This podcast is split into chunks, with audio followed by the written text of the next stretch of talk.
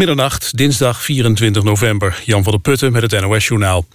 De Woonbond adviseert huurders om een deurwaarder in te zetten... om bemiddelingskosten die zijn betaald aan makelaars terug te eisen. Sommige makelaars overtreden de regels... door bemiddelingskosten aan huurders te vragen... terwijl ze ook worden betaald door verhuurders. Volgens de Woonbond wordt er jaarlijks ten onrechte... voor 37 miljoen euro aan bemiddelingskosten betaald. Ruim 100.000 huurders zouden geld kunnen terugeisen. CDA-kamerlid Peter Oskam gaat na drie jaar uit de Tweede Kamer. Hij is voorgedragen als burgemeester van Capelle aan de IJssel. Oskam was eerst politieman, toen officier van justitie en kinderrechter. In de Kamer zat hij in de parlementaire enquêtecommissie woningcorporaties. In Capelle aan de IJssel wordt Oskam de opvolger van burgemeester Koen... die begin januari vertrekt. In de voorstad van Parijs is een bomgordel gevonden... die sterk lijkt op de gordels die bij de aanslagen werden gebruikt. Er zaten dezelfde pinnen en explosieven in. Maar er zat geen ontstekingsmechanisme bij. Volgens de politie heeft een straatveger in de voorstad Montrouge... de gordel in een berg afval gevonden. Mogelijk heeft de voortvluchtige Salah Abdeslam zijn bomgordel... na de aanslagen in Montrouge gedumpt. De Amerikaanse jongen Ahmed, die werd gearresteerd omdat hij een zelfgemaakte klok mee naar school nam, eist miljoenen dollar schadevergoeding. Hij wil 5 miljoen dollar van de school en 10 miljoen van de stad Irving in Texas. Ahmed van 14 nam in september een elektronische klok mee om die in de klas te laten zien. Een docent dacht dat het een bom was en de jongen werd gearresteerd. Na het incident mocht Ahmed langskomen bij president Obama en bij Facebook. Zijn familie eist behalve schadevergoeding ook schriftelijke excuses. Dan het weer nog. In de loop van de nacht regen. In het zuidoosten kan het een paar graden vriezen. Overdag regen en landinwaarts ook wat natte sneeuw. Veel wind en het wordt 2 tot 6 graden. Dit was het NOS Journaal. NPO Radio 1. VPRO. Nooit meer slapen.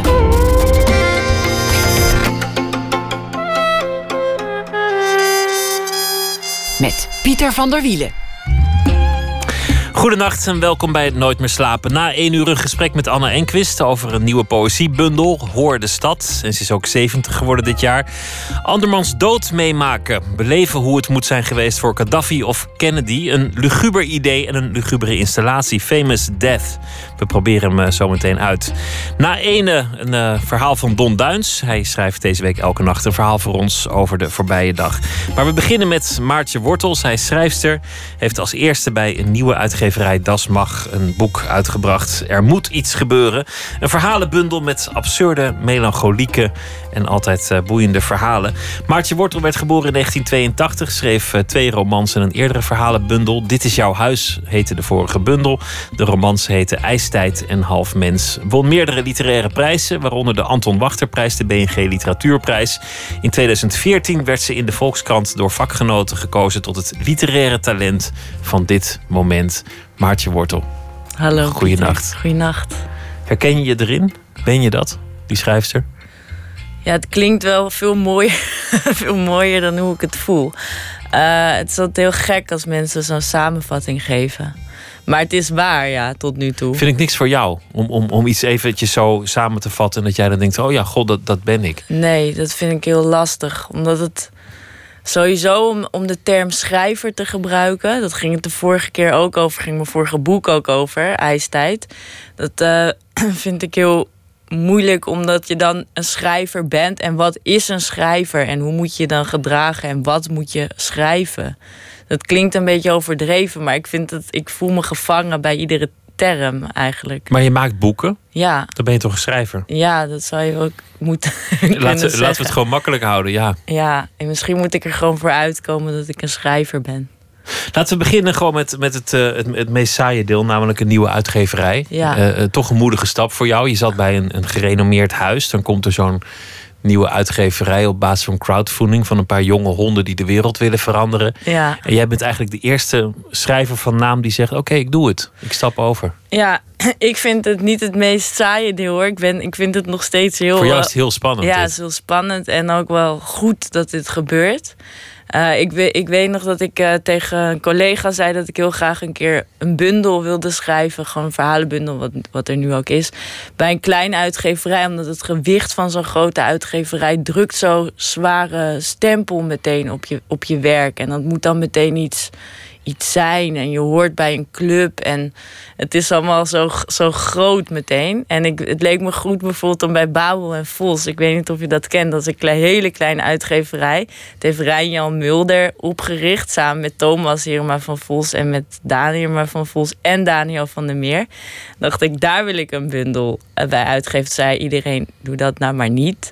Uh, wacht maar even, want Daniel, daar wilde ik vooral graag mee, mee samenwerken. Die, die gaat een uitgeverij oprichten. Dus nog voordat dat hij een plan had verteld aan mij, dacht ik, ja, daar, daar wil ik bij zijn. En nu is het natuurlijk totaal uit de hand gelopen en heel groots gebracht. En is, er alsnog, is het alsnog doodeng. Uh, want het is dus exact wat je wilde vermijden, dat heb je nu gekregen. ja. Namelijk dat, dat het gewicht heeft gekregen en dat de verwachtingen uh, hoog gespannen zijn. En dat eigenlijk het hele boekenvak kijkt van nou ja, oké, kom maar op dan met ja, je grote ik merk echt uh, best wel veel, ook hele goede reacties hoor. Maar ook wel gewoon negatieve reacties. Omdat het wel is van, dus er bestaat een heel groot vooroordeel over das magazine. Omdat het, die hele literatuurfest. En daar komen allemaal jonge mensen op af. En ze doen het, het festi een leesclubfestival. En er komen allemaal jonge mensen op af. Dus dan is het voor hipsters. En het wordt gewoon niet zo heel serieus nu, nu natuurlijk steeds meer, maar het werd niet zo heel serieus genomen door de gevestigde orde. Dat vond ik juist wel, wel goed. Iets nieuws, iets anders. Maar ja, ze gaan er ook aanvallend in. Ik bedoel, ze zeggen niet, we beginnen ook een uitgeverij, kijken hoe het loopt. Nee, ze zeggen, we gaan het boekenvak veranderen. Want die oude mensen die zijn vastgeroest, die hebben geen plan meer. Ja. Die schieten met hagel, hopen dat er wat tussen zit. Hebben geen aandacht meer voor de schrijvers. Ja, je moet er denk ik wel opvallend, zo, zo aanvallend en opvallend ook in als je als je een nieuwe uitgeverij op durft te richten in deze tijd. Maar om voor mezelf als schrijver te spreken, ik snap dat zij dat doen als uitgever, maar ik vind dat er verandert niet zo heel veel. Je maakt gewoon een boek met een paar mensen. Maar voor mij is het. Uh, wat voor mij verandert is dat, het, dat ik het eindelijk weer echt leuk vind, dat proces, om dat samen te maken. En dat vind ik bij zo'n groot uitgeverij, dat is wel zo. Het ligt er natuurlijk aan wie je bent. En ik ben een heel onbekende auteur voor, voor zo'n grote uitgeverij. Gaat het allemaal heel snel, vrij liefdeloos. Uh, het wordt wel een beetje wat geprobeerd. En als het niet lukt, dan, dan is het jouw schuld. Als het wel lukt, is het dankzij hen. En dat is hier heel anders. Ik heb nu veel meer het gevoel dat we het echt. Het klinkt misschien een beetje pathetisch of bijna. Waar ook, waardoor ook mensen tegen dat magazine kunnen zijn. Maar we doen het echt, echt samen. En dat vind ik wel een ver, verademing. Voor een, voor een gewone schrijver is het geloof ik soms 10% of 15% van de opbrengst van een boek. Ga je over geld Nou ja, ik, ik, denk van, van alle mensen die verdienen in de keten van een boek. De uitgever, de boekhandelaar, eh, de drukker. Is, is er zeg maar één zonder wie dat boek er echt niet zou zijn geweest. En dat is de schrijver. En die krijgt dan eigenlijk maar 10% of zo. Ja, een schrijver krijgt echt heel weinig. Krijgt echt 1 euro per boek. Maar mij, mij gaat het. En dat doen ze ook anders, inderdaad. Uh, ik moet eerlijk zeggen dat ik me daar echt niet in verdiept heb. Want ik, ik heb nooit aan geld gedacht. Uh, toen ik hier ja tegen zei. En nog steeds niet. Uh, en ik verkoop niet zoveel. Dus voor mij zou het niet zo'n heel groot verschil, verschil maken. Je verdient toch niks? Nee, eigenlijk niet. Waarom schrijf je? Uh, dat is een goede vraag. Dat heeft me laatst ook gevraagd. En toen schrok ik bijna van die vraag. Uh, en nu weer, terwijl ik toen al een antwoord moest formuleren. Um, ja, het klinkt altijd zo, uh, zo, zo hoogdravend. Maar ik schrijf eigenlijk vooral omdat ik, omdat ik het omdat ik niks anders kan. Ik weet ook niet zeker of ik wel echt kan schrijven. Maar omdat ik niks anders kan, bedoel ik vanuit mijn mijn intuïtie. Dat ik niks anders wil doen dan schrijven. En ik schrijf ook om de wereld om me heen, zei ik toen ook. Uh, vorm, vorm te geven voor mezelf. Om dingen beter te begrijpen. Of om bepaalde vragen die ik, die ik mezelf stel. Probeer ik te beantwoorden in mijn werk. Maar je zegt, ik weet eigenlijk helemaal niet of ik het kan. Je, je hebt zo'n beetje elke belangrijke literaire prijs ofwel gewonnen... of in ieder geval een, een nominatie of een vermelding gekregen. Ja. Je bent vier boeken verder. Is dat valse bescheidenheid of weet je dat echt niet? Nee, dat weet ik echt niet. Het is natuurlijk, ik snap wel dat het een beetje koket, koket overkomt en zelfs een beetje vervelend. Dat vind ik zelf, ik zit, vind het zelf ook irritant. Maar het is, je, weet, je kan dat nooit weten. Ja, ik vind, ben altijd sowieso jaloers op mensen die weten dat wat ze doen, eh, dat dat goed is of dat ze daar goed in zijn. En ik denk ook dat ik ermee zou stoppen zodra ik wist dat ik er goed in was. Dat het iedere keer ook, dat het me ook gaat, dat is dan ook een antwoord op eh, de vraag waarom schrijf je, om de poging, om, om iets te proberen voor mezelf waar te maken. En dan denk ik, oh, misschien weer niet helemaal gelukt hoe ik het voor ogen had. Nog een keer proberen. Zit daar ook het ongemak met zo'n compliment van uh, belangrijkste literaire talent van Nederland van, van dit moment? Of de Nederlandse Murakami? Of god weet wat ze allemaal niet over je hebben geschreven? Elke keer lijkt het bij jou eerder ongemak op te leveren dan iets anders. Ja, maar dat is. Het is.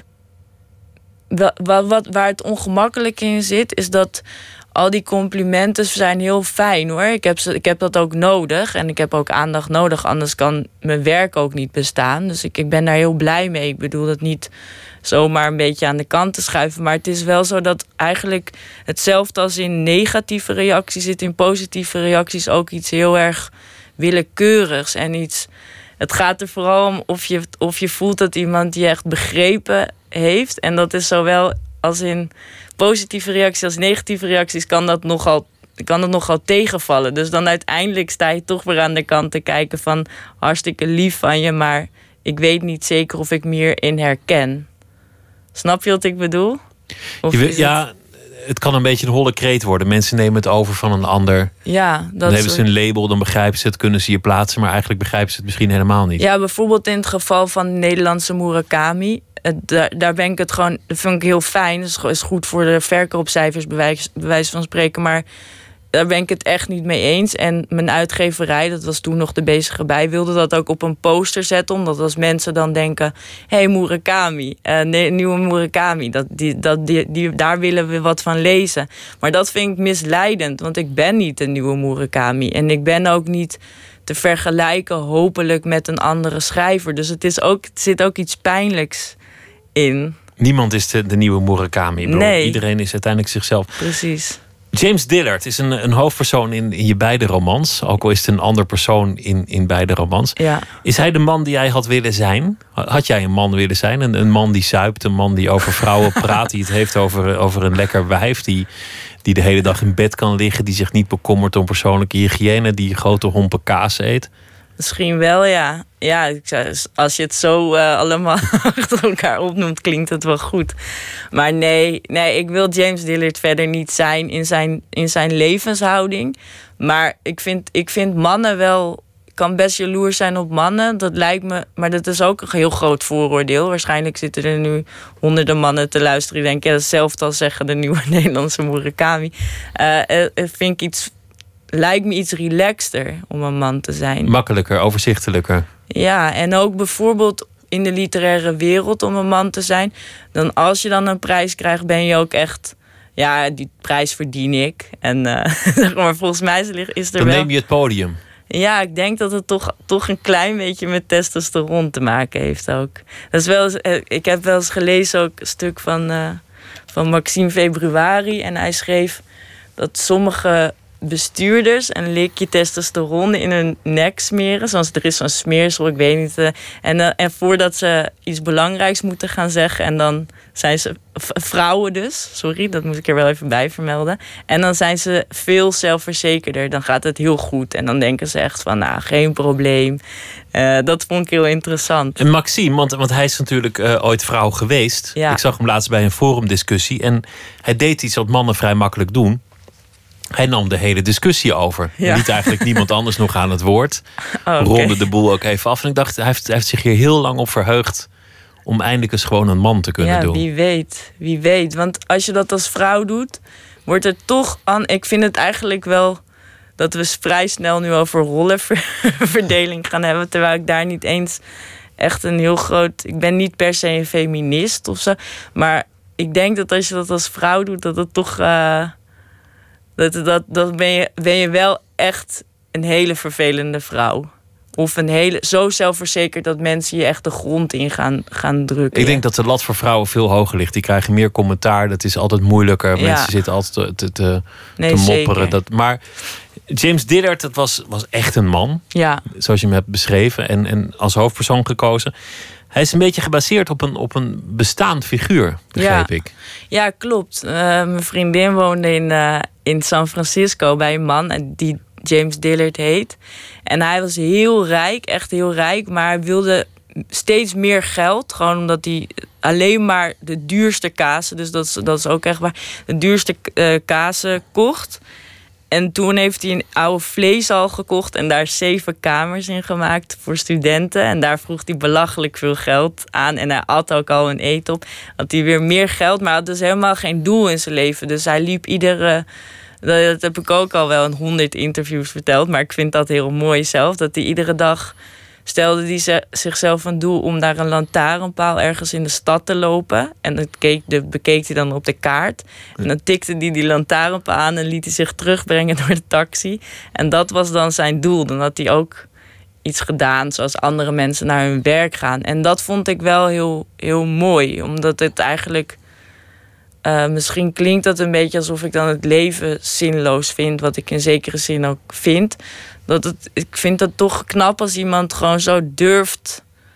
eh, geen, geen enkel doel te hebben en dat dat er gewoon ook oké is en dan verzin je maar want, wat. want ieder ander doel zou ook zinloos zijn. Carrière Ja. maken, geld nastreven, op zoek gaan naar een nog duurdere kaas. Precies. Of, of, Alles zou zinloos zijn dan maar een lantaarnpaal. Dan weet je zeker dat het zinloos is. ja, of, of misschien wel is een lantaarnpaal wel net zo zinvol als een boek schrijven. Snap je? Het is, het is zo moeilijk om te zeggen wat er belangrijk is in iemands leven en om daarover te oordelen. En ik merkte dat ik dat dus wel deed. Ik dacht echt, ja, ga eens wat doen. Want je hebt alle mogelijkheden. Je hebt zoveel geld. Je kan echt heel veel mooie dingen hiermee doen. Waarvoor andere mensen moeten vechten gewoon. Maar ik vond het ook wel, wel, wel mooi. Omdat er zo'n ja, ik, eh, bijna filosofische waarheid in zit. Eh, dat vond ik wel goed aan dat figuur. Het doet denken aan, eh, aan de mythe van Sisyphus van, van Camus. Van, Ja. de, van de man die de steen de berg op moet rollen. Terwijl hij weet dat die steen weer terug zou rollen. En er uiteindelijk schik in krijgt. Ja, precies. Ja, daar, daar, daar was het ook een beetje... Was het me ook om te, om te doen, inderdaad. De, de zinloosheid tot iets zinnigs verheffen. Dan maar een lantaarnpaal en, en je geld besteden aan een taxi elke dag. Ja, of bijvoorbeeld waar we het net al even over hadden... van waarom schrijf je? Dat is ook gewoon steeds... is ook, ook zo'n steen voor mij. Want dat, dat- dan is het misschien weer niet helemaal gelukt. En dan ga ik weer met die hele steen bovenaan de berg staan wachten... tot wat iedereen ervan vindt. En dan denk ik misschien weer zelf... oh, is niet helemaal gelukt. Snap je? Het is... Volgens mij is dat van ieder mens, dat vind ik ook wel heel lief. Altijd, ik, vind, ik heb niet per se een hoge pet op van de mens, maar ik vind het heel lief dat iedereen iedere dag opnieuw, is, al is het in contact of in werk, zo'n poging doet om een waarheid te, te vinden. Al is het iets kleins, al is het even een gesprek met iemand in de supermarkt. Want je gelooft ook niet dat er een waarheid bestaat. Een echte waarheid. Nee. Nee. Jij? Ja, ik denk uiteindelijk dat er waarheden bestaan. Ja, dat ja, denk ik wel. Bedoel je dan echt feitelijke, wetenschappelijke... Ja, bijvoorbeeld, maar ook waarheden eh, voor jezelf normatief. Ja, Want, want wat jij schetst eigenlijk, hè, het leven is zinloos, het heeft totaal geen zin. ja. Of, of eh, nou ja, niks heeft nut. Of ach ja, je bent maar iemand omdat je dat geworden bent. ja. Dat, dat komt eigenlijk uit best een, een eh, onbedreigde biotoop. Ja. Dat je zulke gedachten kunt hebben. Ja, nee, Misschien word is- je pas iemand als het tegendeel tegenover je staat en je bedreigd wordt. Ja, nee, maar dat, dat, dat denk ik ook. Daar gaat ook ijstijd over. Over dus dat het dat ook eh, een dat is ook een reflectie eh, of reflectief op de tijd. Dat het dat het dat we zoveel vrijheden hebben dat je echt gewoon daar lui van wordt en niet snapt wat je hebt of wat, je, wat er is. Dus als je het zo stelt, natuurlijk zijn er dan zijn er dan waarheden. Maar voor mezelf vind ik dat wel moeilijk. Ja, ik weet dat zelf niet zo goed hoor. Ik denk dat dat gaat veranderen nu mensen zich bedreigd voelen. Door, eh, door de aanslagen in Parijs en alles. Ja, Ben ik benieuwd hoe dat, hoe dat gaat werken. Of dat postmoderne van ja, er is geen waarheid. Of ach, ik ben dit, maar ik zou ook dat kunnen zijn. Of dat relativisme er vanaf gaat. Ja, nee, dat zou er wel vanaf gaan, ja. Voor een, voor een groot gedeelte. Van de andere kant is het ook weer heel gevaarlijk als het er van. Zeg maar, natuurlijk zit aan alle, alle waarheden of onwaarheden ook weer twee kanten. Want als iedereen nu ineens wel een waarheid gaat kennen, dan wordt je ook, volgens mij wordt die strijd dan ook groter. Maar als schrijver maak je een ingewikkelde keuze. Want je, je kiest een personage die lethargisch is. Ja. Je schrijft vanuit um, de gedachte dat niks waar is of per definitie klopt. Ja. Dat maakt het moeilijk om je boek urgent te maken. Ja. Een, een, personage met een hele sterke wil, een grote drang of een stevige overtuiging maakt per definitie een, een, een meeslepender, spannender boek. Ja. Nee, ja, meeslepender en spannender boek sowieso. Maar ik vind het toch belangrijk. Ik vond het toch heel belangrijk om, om ijstijd te hebben geschreven. Omdat.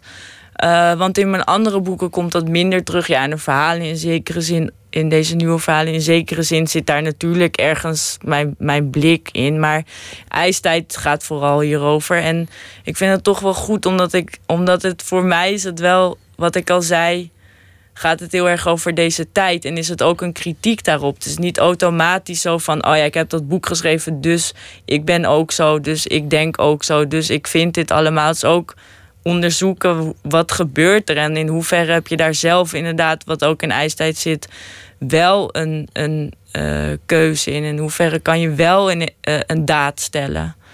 Het is een jongen met gruwelijk liefdesverdriet. die met zijn geld in een hotelkamer ligt. eigenlijk zijn bed liever niet uitkomt. Een beetje bezig is met het, met het eten van kaas. En daardoor ja. dringt die, die, die vraag van, van de zin van het bestaan zich steeds meer op ja.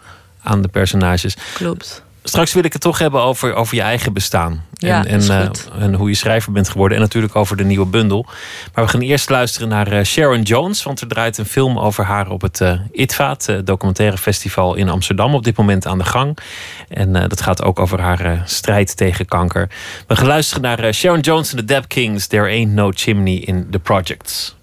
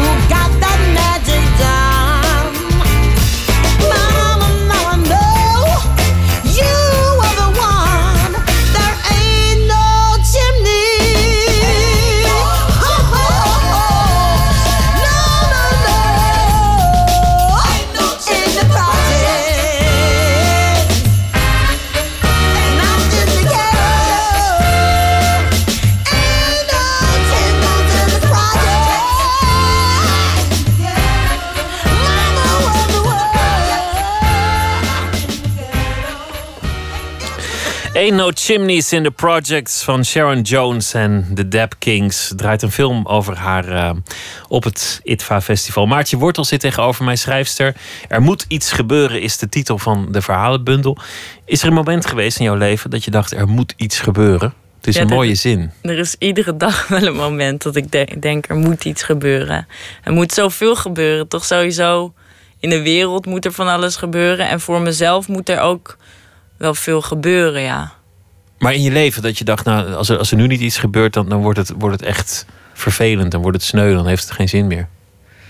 Ehm, ja, ja, misschien wel, omdat op een gegeven moment, net toen, er, toen het liedje aan het spelen was, dat praten we ook nog even door over dat geen keus maken misschien, of de waarheid. En ik ben juist zelf in mijn, in mijn persoonlijke leven vrij fel en veroordelend. En heb ik wel heel sterk zwar- zwart-wit neigingen. En eh, dit is de waarheid. En dan word je ook iemand, tenminste merkte ik bij mezelf, dan word je gewoon iemand die zich beweegt binnen je sociale omgeving zoals je van jezelf snapt en zoals de omgeving ook misschien niet altijd leuk vindt, maar het ook.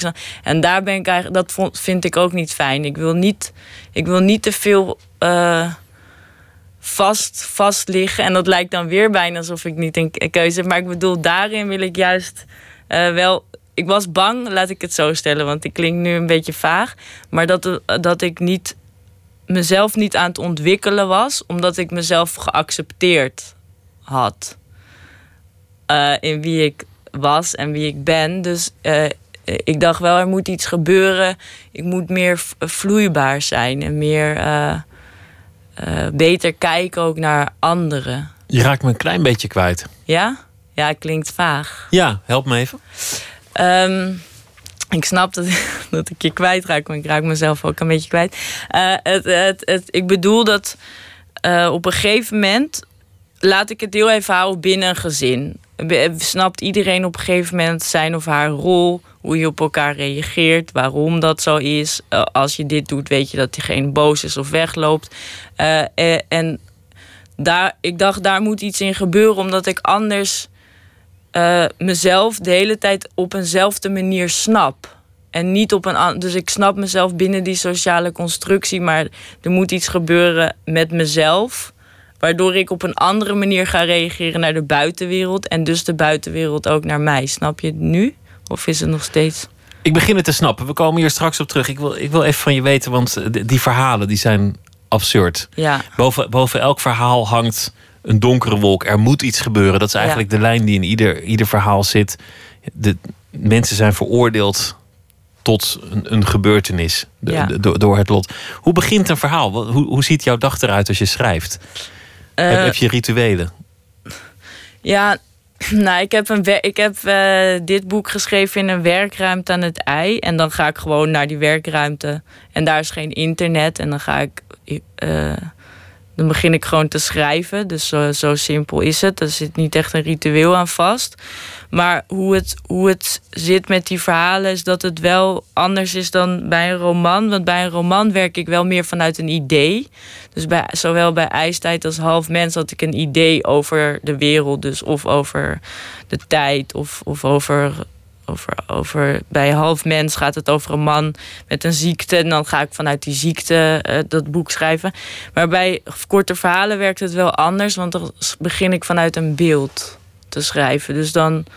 eh, ik noem maar wat, staat er een verhaal in. Zo'n wat ouder verhaal over die, dat het echtpaar eh, verliest een hond. En dan gaan ze wil, wil die vrouw dat haar man de hond nadoet. Omdat ze die hond zo mist. En dat begint dan omdat ik zelf eh, een hond uit, uitliet.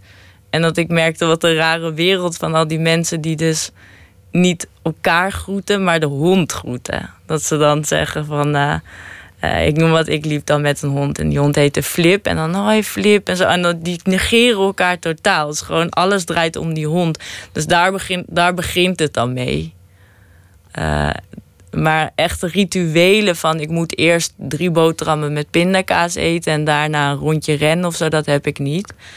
Eh, wat ik wel heel vaak doe, is een eierwekker zetten. Dat heb ik ook echt honderd keer verteld. Maar een eierwekker zetten op, op 10 minuten. En dan ga ik gewoon schrijven, omdat het heel vaak zonde is. eh, als je te veel van tevoren gaat, gaat invullen in je hoofd of gaat nadenken. En met zo'n eierwekker schrijf je gewoon alle onzin op.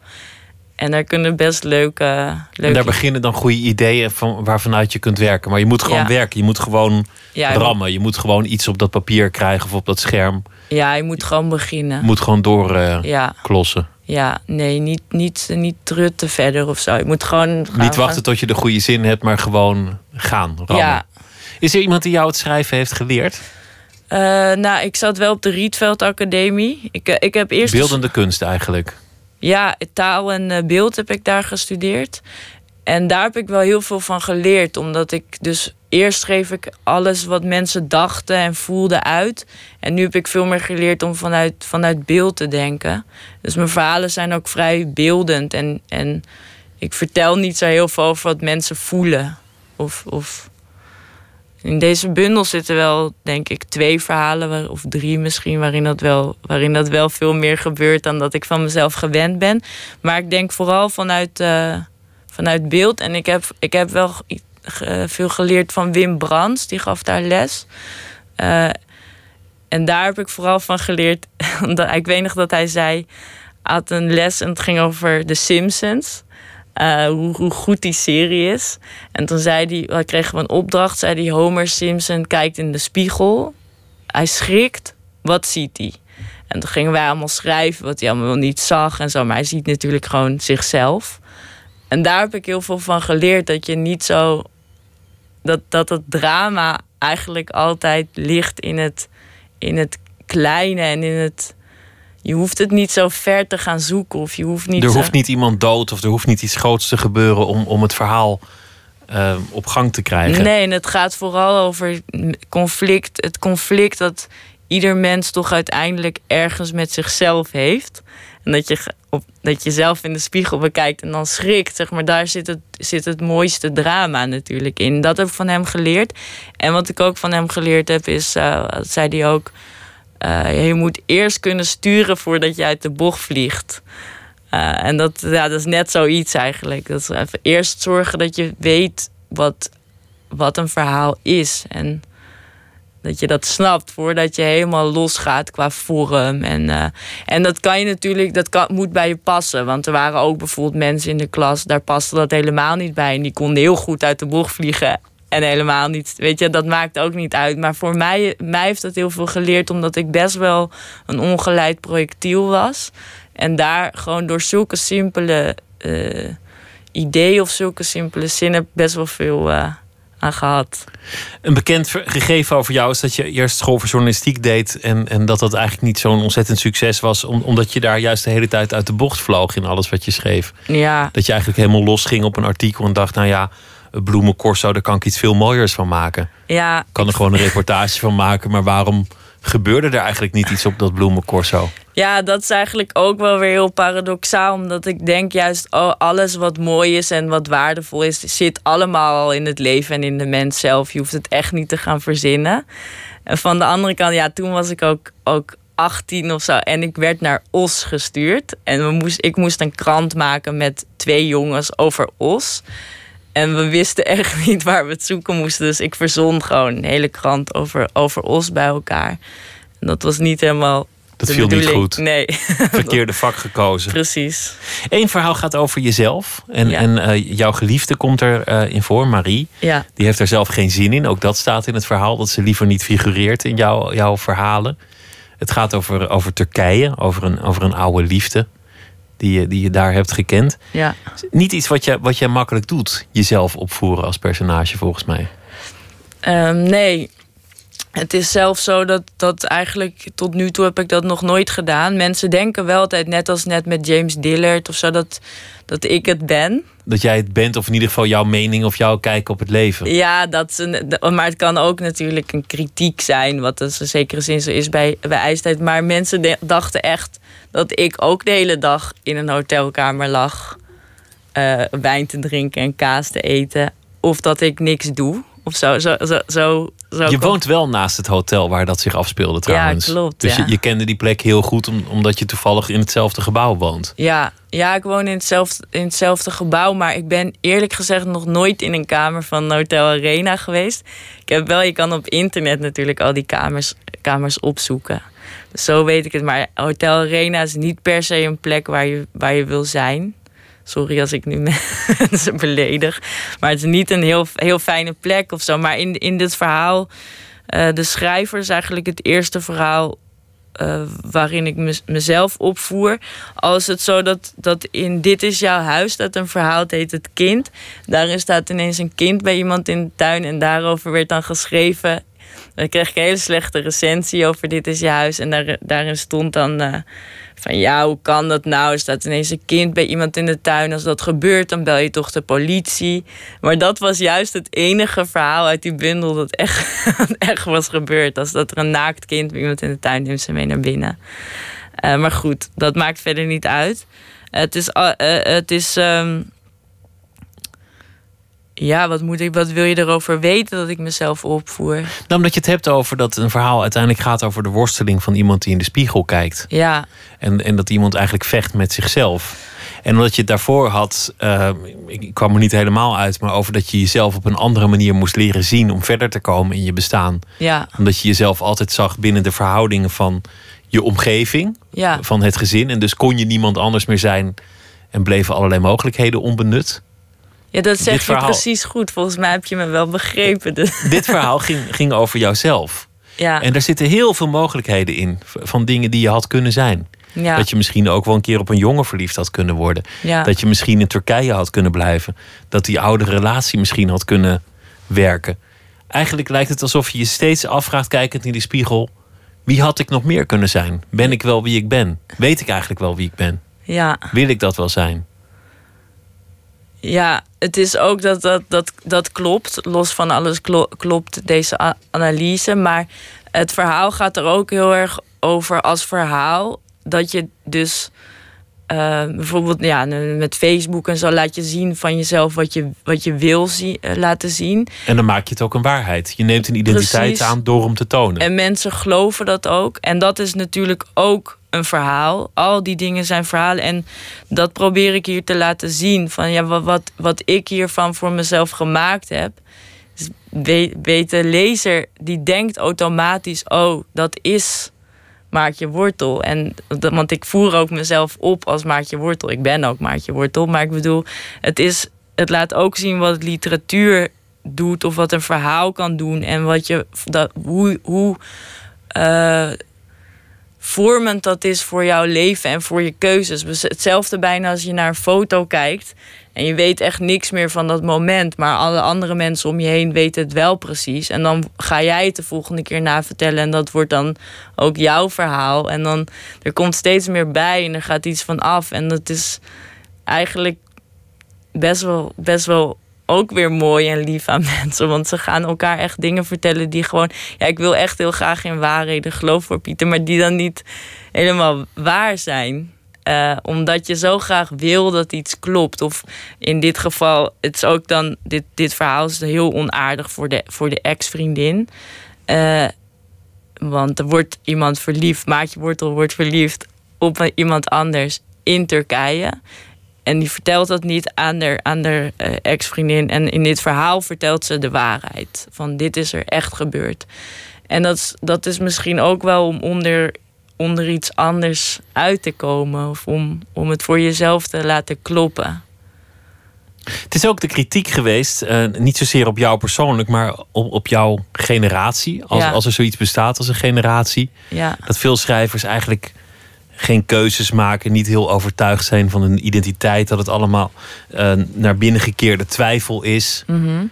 En er ontstond een soort verlangen bij mensen, onder, onder meer Abdelkader Benali, maar ook, ook wel anderen, geloof ik, naar een uh, Joost de Vries, ja, Joost geloof de Vries ik. Vooral, ja. Naar, naar een uitgesproken generatie die een keer stelling nam. Die een keer iemand durfde te zijn en een keer ergens voor durfde te staan. En gewoon zeggen: Dit zijn mijn waarheden, dit zijn mijn waarden. Ja. Je doet het er maar mee.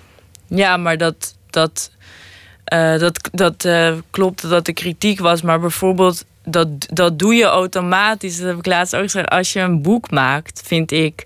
Als je een boek maakt of als je, als je verhalen schrijft of een roman schrijft, dan dat is al stelling nemen. En dat kan natuurlijk op duizend verschillende manieren. Dus je kan zeggen: Ik zie het zo, jij moet het nu ook gaan zien. En ik sta hiervoor en ik ga op de barricade. Of je kan laten zien van ja, weet je, ik, ik wil hierover praten. Hoe is dit voor jou? En ik ben veel meer iemand die zich, die zich fijn voelt bij dat tweede. Wanneer het over mijn schrijven gaat. Omdat ik niet zo heel erg van dat opdringerige, moralistische, zo'n moralistische. Jij wil niet voor de lezer bepalen wat hij moet vinden. Je wil, je wil misschien een vraag oproepen, maar dan liefst ook nog tussen de regels. Ja, en ik wil dat het voor iedere lezer iets anders kan betekenen. En, en dat ik niet ga vertellen, dit moet het voor jou betekenen. En dat bedoel, nou lijkt het weer alsof ik geen stelling durf te nemen, maar dat. Da, dat is mijn stelling. Zeg maar dat, daarin durf ik juist een stelling te nemen. Daar ga ik ook niet van afstappen, omdat Abdelkader Benali of Joost de Vries dat, dat willen. Uh, eerlijk gezegd zie ik het in hun werk ook niet echt terug. Want Abdelkader Benali schrijft boek over Badr Hari. Uh, maar goed, en misschien... Uh, maar voor mij mag alles als het een mooi boek oplevert. Dat weet ik, maar ik bedoel meer van... ja, dat is niet per se wel een stelling nemen. En uh, het, ja, het, gaat er, het gaat er denk ik om dat je vooral het klinkt echt heel erg pathetisch. Daar ben ik me van bewust. Maar trouw blijft aan jezelf. En dat, dat doe ik met wat ik maak. En ik ga, kan, kan wel. Uh, dat, dat, ja, daar voel ik me gewoon niet echt bij thuis. Ik vind dat niet. niet ik, ik vind dat zelf namelijk ook heel vervelend om te lezen. Dus dan wil ik het ook niet maken. En zozeer als, als, als dit bij jou past, ja. de, de twijfel, ja. zo beslist lijkt jouw geliefde. Die, die lijkt eigenlijk de, de rust zelf die lijkt eigenlijk heel erg duidelijk te weten ja, die is heel hoe ze beslist. het leven wil, wil hebben. Lijkt heel beslist te zijn. Ja, die is echt heel beslist sowieso.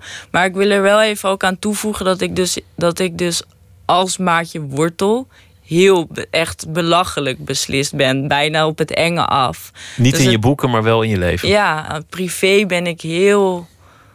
Uh, ja, ik denk dat mensen in mijn omgeving juist zouden zeggen... dat mag wel een beetje minder beslist. Dus dat is het. Dat is uh, bijna ook alsof, alsof... Dat heb ik al eens eerder gezegd... alsof je ook in je werk onderzoekt hoe het dus anders kan. Of hoe, je, hoe het... Ja, en, en ook je opvatting natuurlijk van wat een, wat een goed verhaal is. Of wat, een, wat goede literatuur is. En voor mij is dat toch een opening. En niet een deur die dichtklapt en waarvan ik dan, waarin ik mee moet. Uh, als, als de moraal of, of de, de stellingname al helemaal duidelijk is, als de mening je wordt opgedrongen, is het geen goede literatuur. Nou, het kan, kan hele goede literatuur zijn, maar over het algemeen, als ik al weet het is een moralistisch boek, daar hou ik zelf niet zo heel erg van. Maar ik noem maar wat, uh, Arno Groenberg schreef het bestand.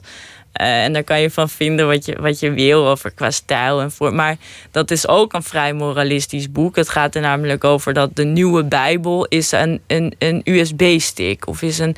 En dat de computers ons, ons mens zijn overnemen en onze intelligentie overnemen. En daar hou ik dan weer heel erg van, omdat het op een.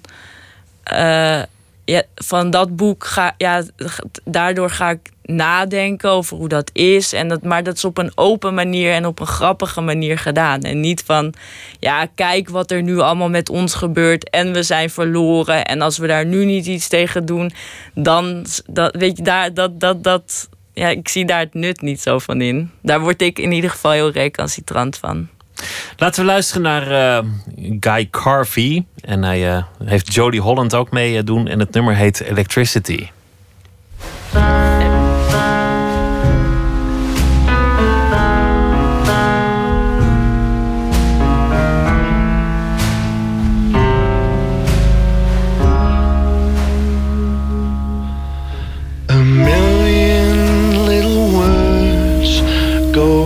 Fizzing through the lines, whispers of love and longing, wishing on a star or a spinning satellite. A kiss flies from twilight to dawning when it finds you electricity. Say you're missing me, darling girl. Disarming in its simplicity. It should be you and me in all this world. fizzing the day into the night.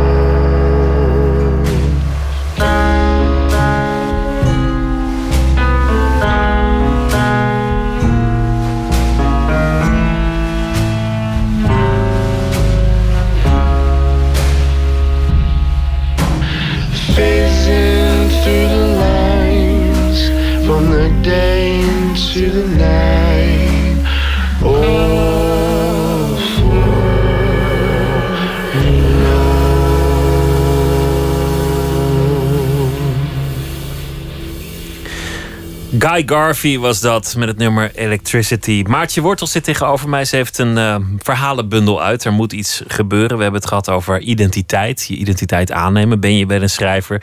Weet je wie je bent? Iedereen worstelt met zichzelf. En dat is eigenlijk een terugkerend thema in al jouw boeken. Je, je Ja. gelooft niet echt in een waarheid.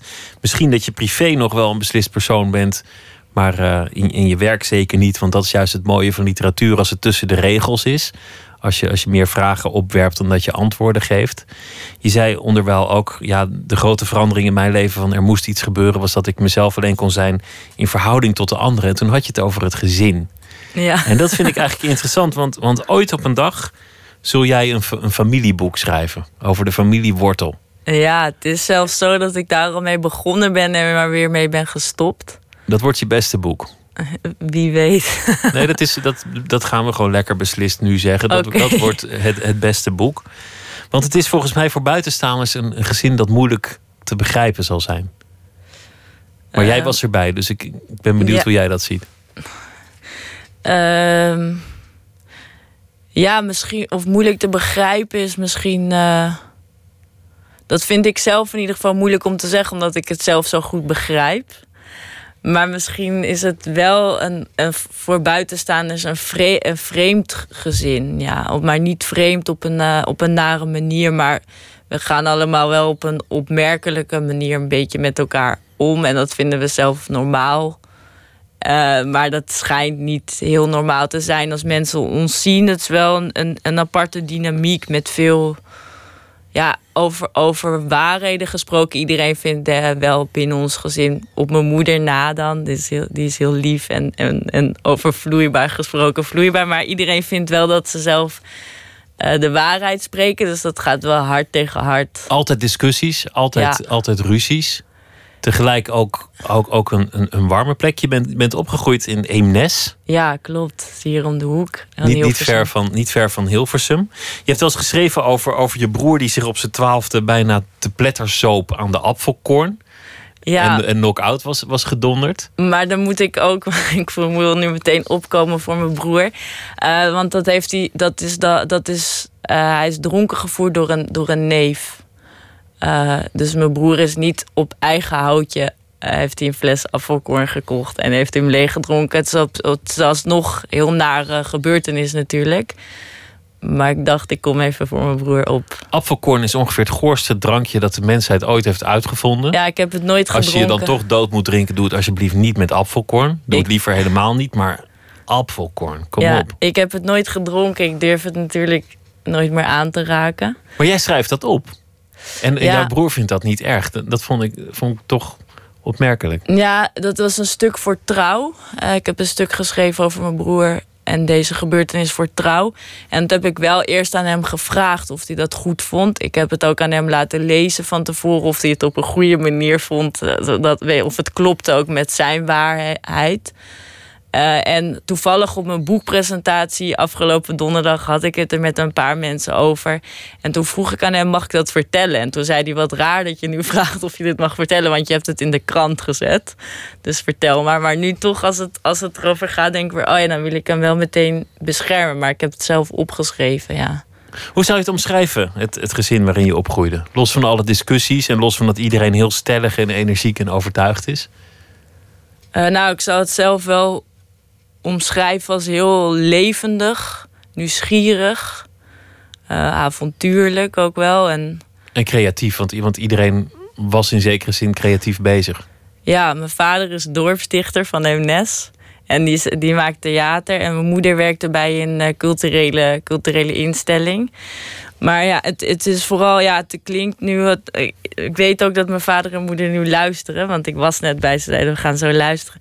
En, dan de, en dat klinkt dan alsof we altijd ruzie, ruzie hebben. Klinkt meteen zo. eh, Hatelijk, en dat is zo, het ook zo hard, maar het is wel ruzie op een goede manier. Het is wel om elkaar eigenlijk tot het, tot het uiterste te drijven op de beste manier die voor ons mogelijk is. Behalve dat niet iedereen binnen het gezin dit een prettige manier vindt. Maar ik kan, het, kan er wel goed mee, eh, mee omgaan. En, en verder, ja, ik, ik, ik, ik ben er vooral wel eigenlijk eh, blij, blij mee. Al klinkt, ja, ik weet niet, wat, wat wil je, wat, Wist je, wist je toen al dat je, dat je op vrouwen viel eigenlijk? wanneer toen? Toen je nog thuis woonde als, als tiener? Nee, ik wist dat echt was heel laat. Ik was, ik, ik was 21, toen woonde ik wel weer thuis. Want ik studeerde eerst dus eh, journalistiek en daarna werd ik er van afgegooid. En toen werkte ik, dit wordt een heel treurig verhaal, maar toen werkte ik bij de Bart Smit in Laren. En eh, toen wo- woonde ik in een huisje naast het huis van mijn vader en moeder, in het huisje van mijn overleden oma.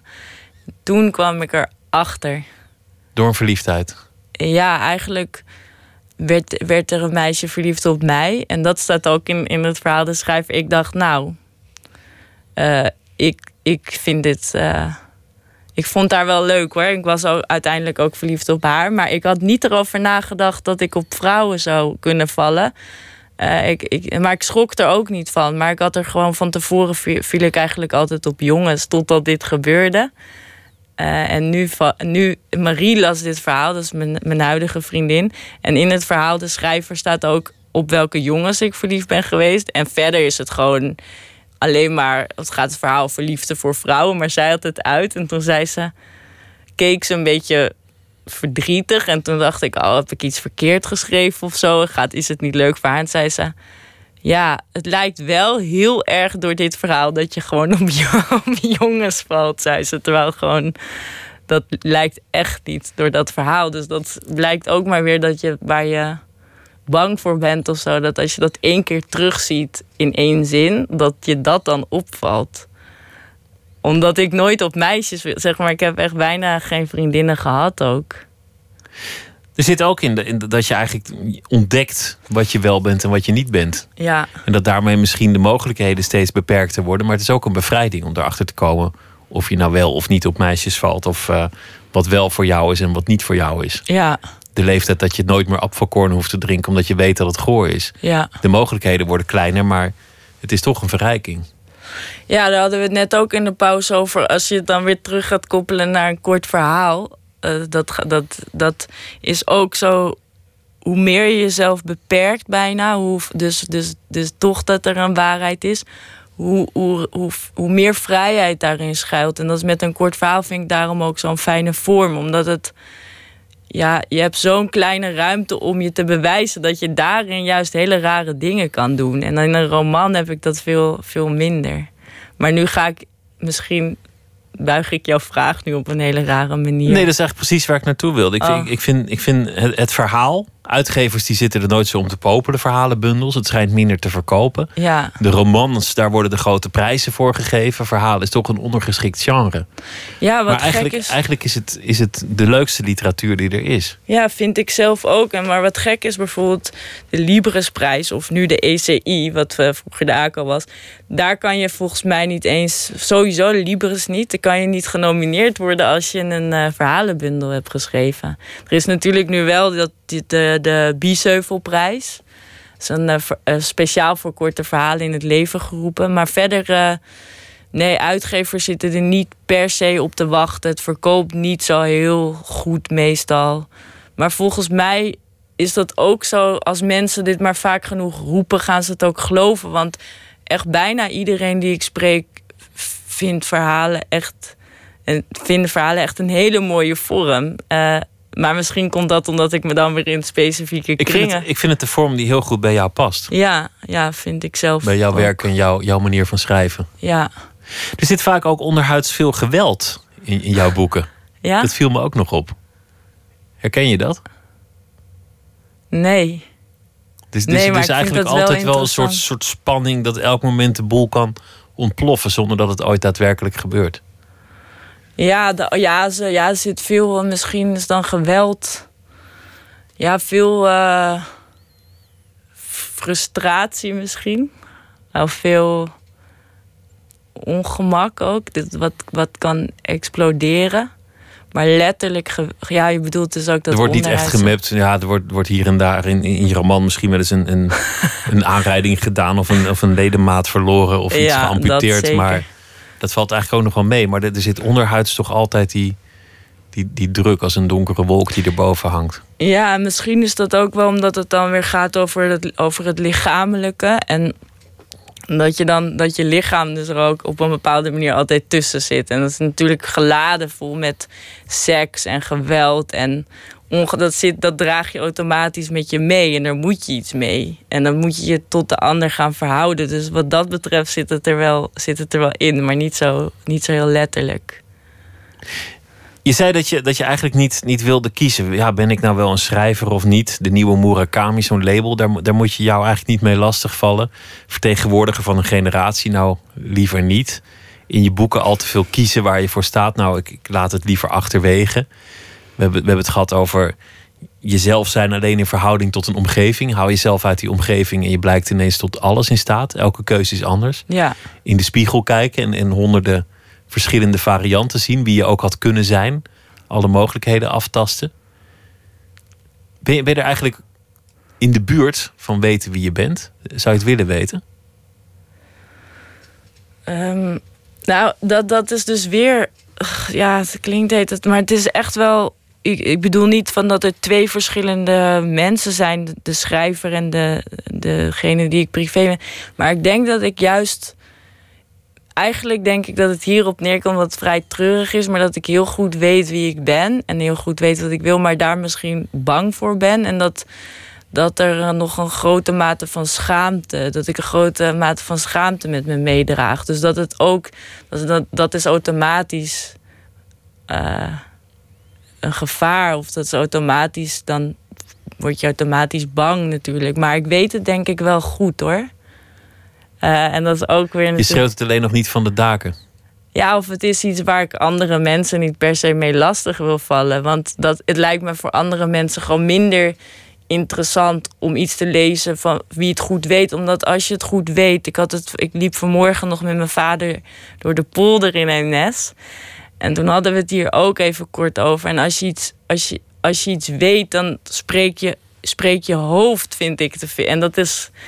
Ik, ik, dat, dat, eh, dat vind ik zelf wat minder interessant. Want dan weet je alles. En dan, wat, wat moet je dan nog? En wat Als je, moet het- je... als je het weet, hoef je het niet meer te schrijven. Nou, weet je, wat, wat staat ook in mijn vorige boek... dat volgens mij was het Frank Lloyd eh, Wright... die zei... ehm, een expert is iemand die is opgehouden te denken. En dat vond ik eigenlijk wel een goeie. Dat zodra je alles van iets weet, dan hoef je er niet meer over, over na te denken. Dat is, dat is zonde. En dat is ook weer wat ik in het begin van het gesprek zei: van ja, wat is schrijven voor jou? Steeds gewoon weer die, die poging. En ik denk ook dat zodra je pretendeert, tuurlijk kan je van sommige dingen iets weten of van hopelijk. Want, maar uh, het. Uh, het, het, het haalt ook iets weg. Het haalt ook iets weg tussen het contact tussen mensen als je zelf vindt dat je iets weet. Uh, en dat vind ik zonde.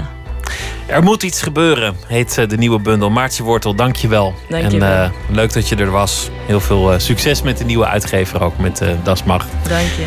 Zometeen gaan we verder met Nooit meer slapen. Twitter, het VPRO NMS of mail nooit meer slapen, VPRO.nl. En u kunt ons ook volgen op Facebook. Op Radio 1. Het nieuws van alle kanten.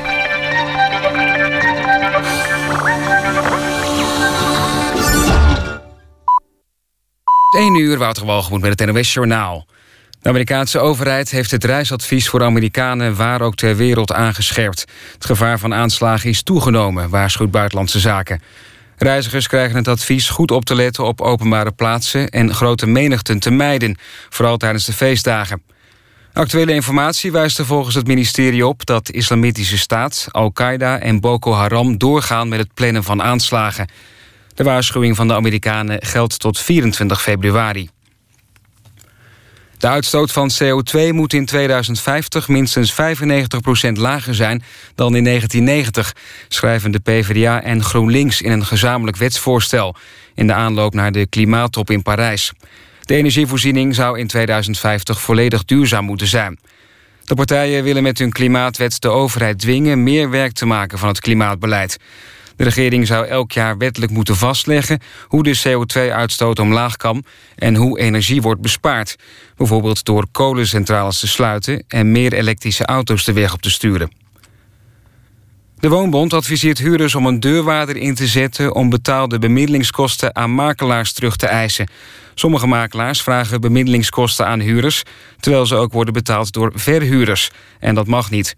Volgens de Woonbond wordt er elk jaar ten onrechte voor 37 miljoen euro aan bemiddelingskosten betaald.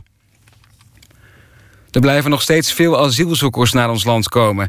Volgens het ministerie van Veiligheid en Justitie waren het er afgelopen week 1700. Net zoveel als in de week daarvoor. Normaal gesproken daalt de toestroom van het aantal asielzoekers aan het eind van het jaar, maar dat is dit jaar niet zo. Het weer in de loop van de nacht regen. In het zuidoosten kan het een paar graden vriezen. Overdag ook regen en landinwaarts wat natte sneeuw. Er is veel wind en het wordt zo'n 2 tot 6 graden. Dit was het NWS Journaal. NPO Radio 1. VPRO. Nooit meer slapen.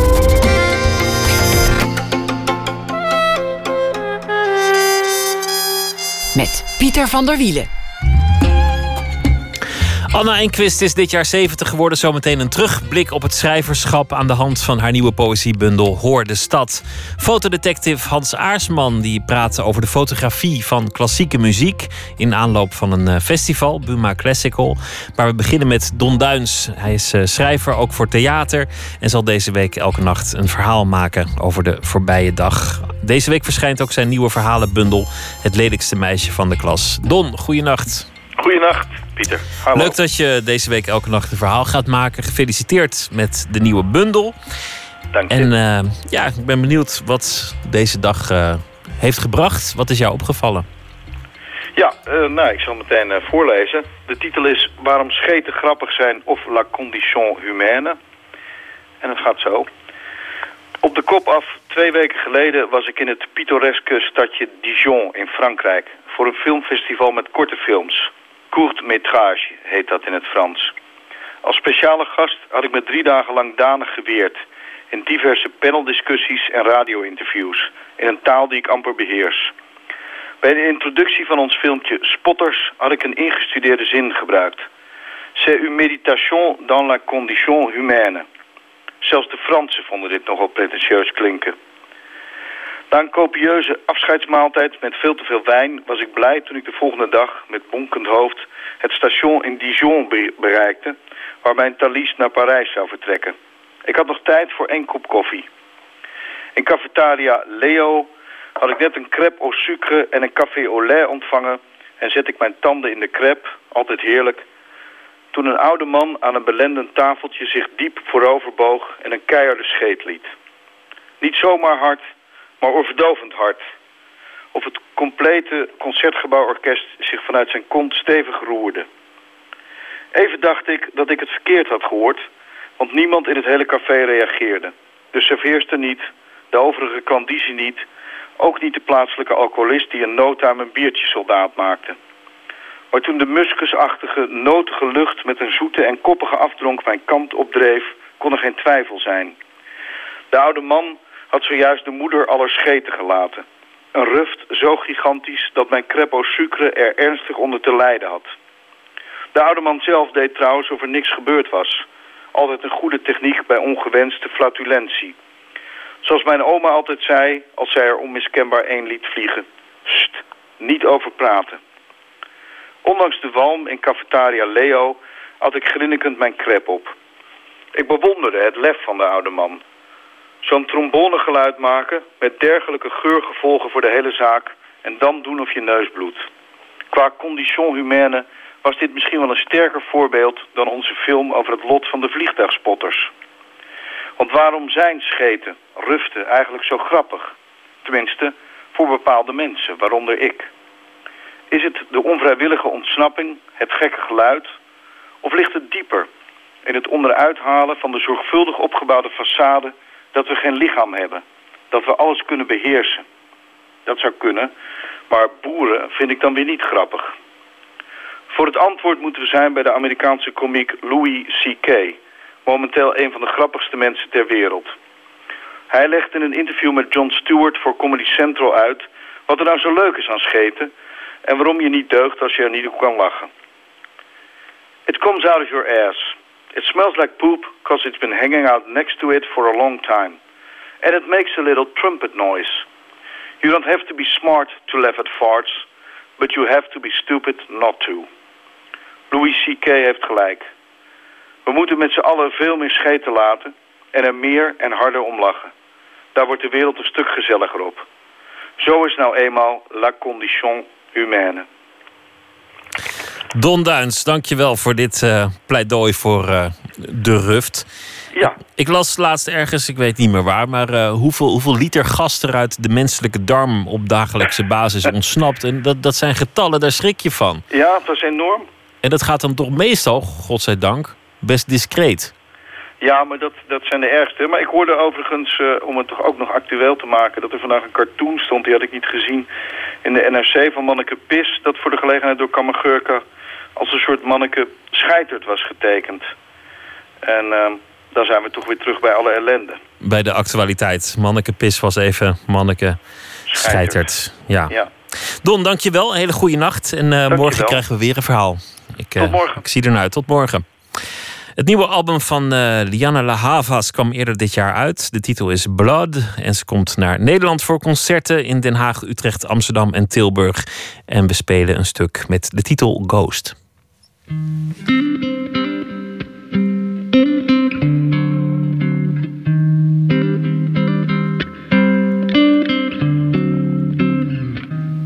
Whenever I called you, I couldn't say was only yesterday, but yesterday so far away.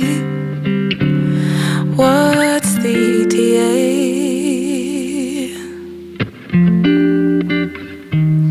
Don't tell me you need me. I am estranged and I'm overaged. The trouble it may be, there's still a part of me that has to know what you have to say. On and on we go, always with the ghosts of us in tow. Stuck somewhere between a friend and foe. Round and round we go.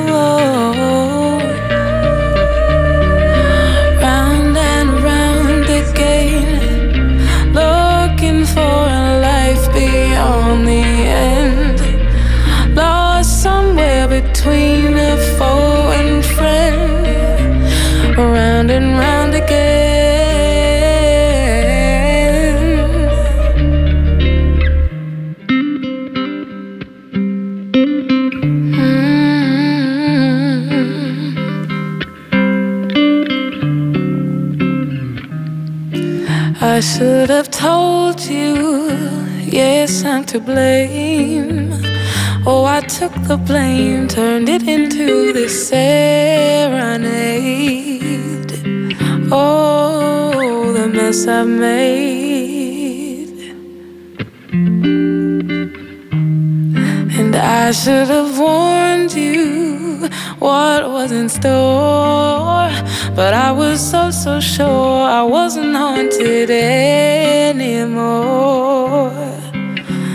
Not forevermore. On and on we go. Always with the ghosts of us in tow. Stuck somewhere between a friend and foe. Round and round go.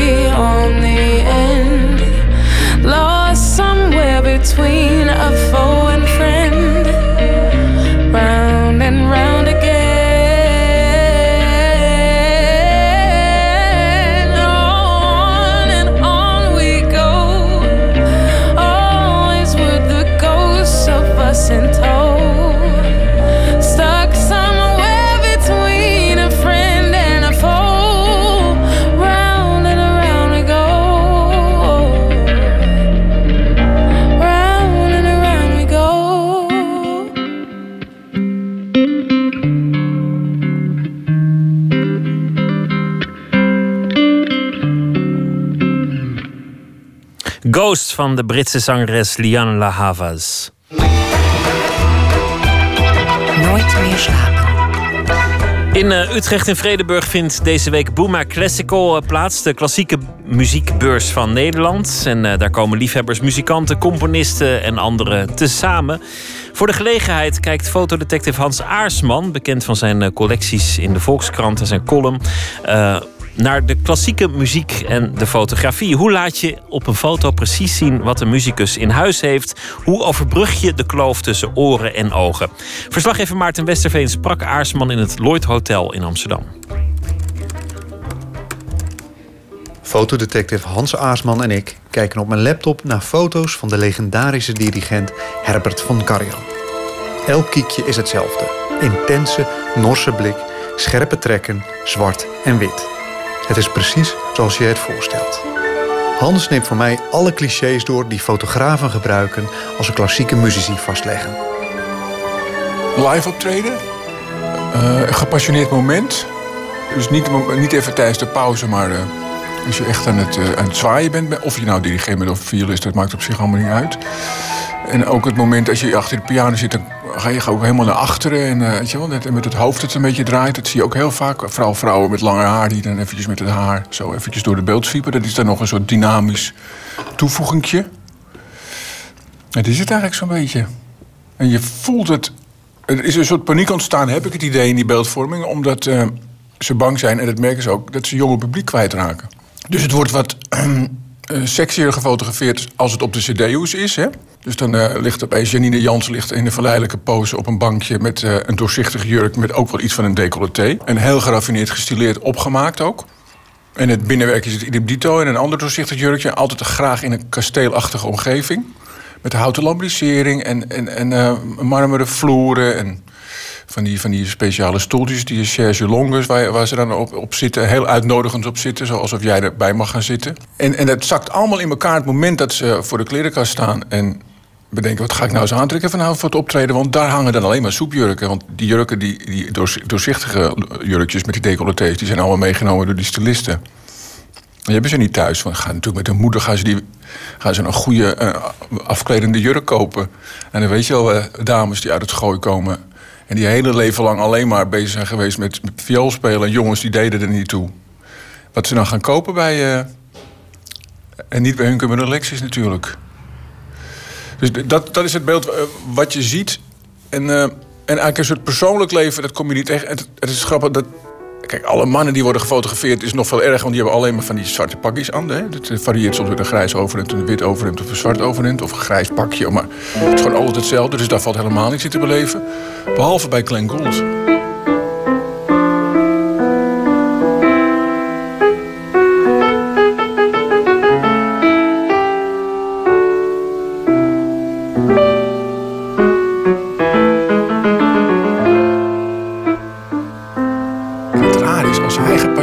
Piano speelt, dan geloof ik hem.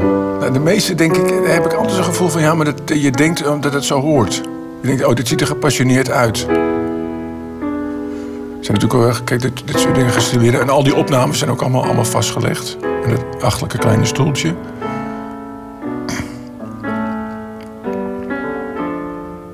Hij is echt een grote uitzondering. En ik, moet het nou, ik, ik zit te zoeken. Ik, ik snap wel je fascinatie. Dit, dit is iemand die zo uit zijn bed komt.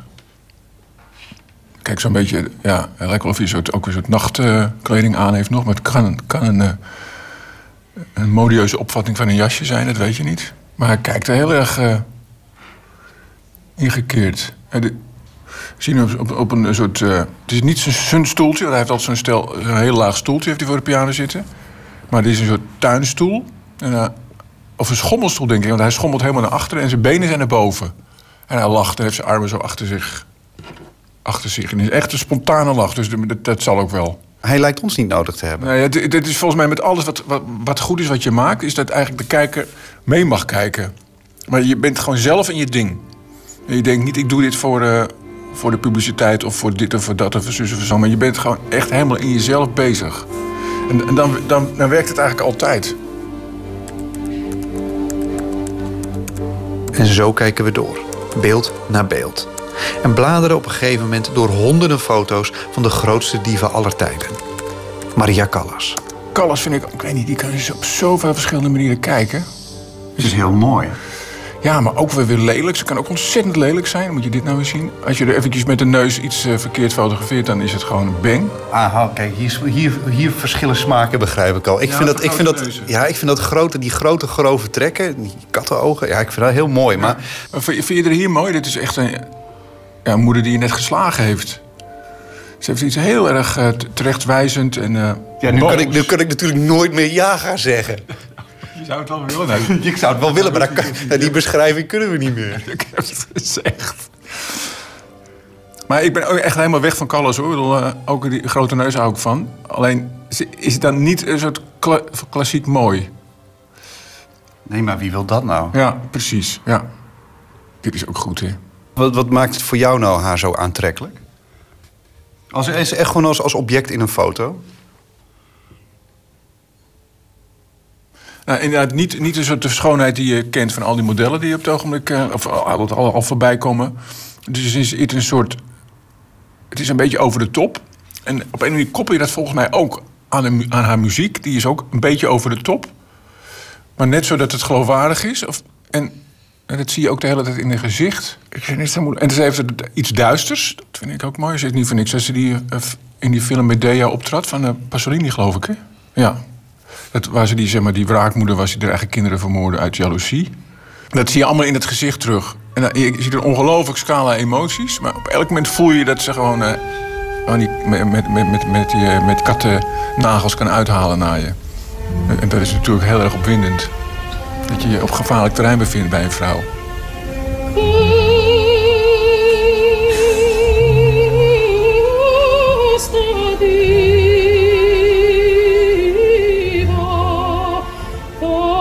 Deze is heel goed. Waar ze... dit, dit is eentje uit volgens mij een documentaire eh, over haar. Of een soort, soort masterclass waar ook alweer opnames zitten van opera's die ze zingt. Ik denk dat het Tosca Diva, ja, dat is uit de Tos, Tosca toch? Nee, dit is een Casa Diva is een...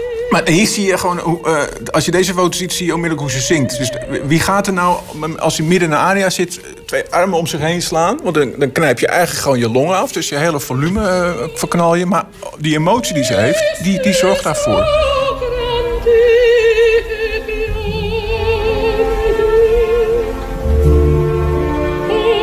Dus bij haar het van voorkomen, voel je gewoon... Nou, deze vrouw lijdt echt op het moment dat ze deze aria zingt. Ook met die ogen en alles. Ik, ik, zie, ik zie nooit iemand zo... eh, altijd denk ik, ja, slecht geacteerd. Maar bij haar is het gewoon, is het, is het gewoon wat ze, wat ze zingt.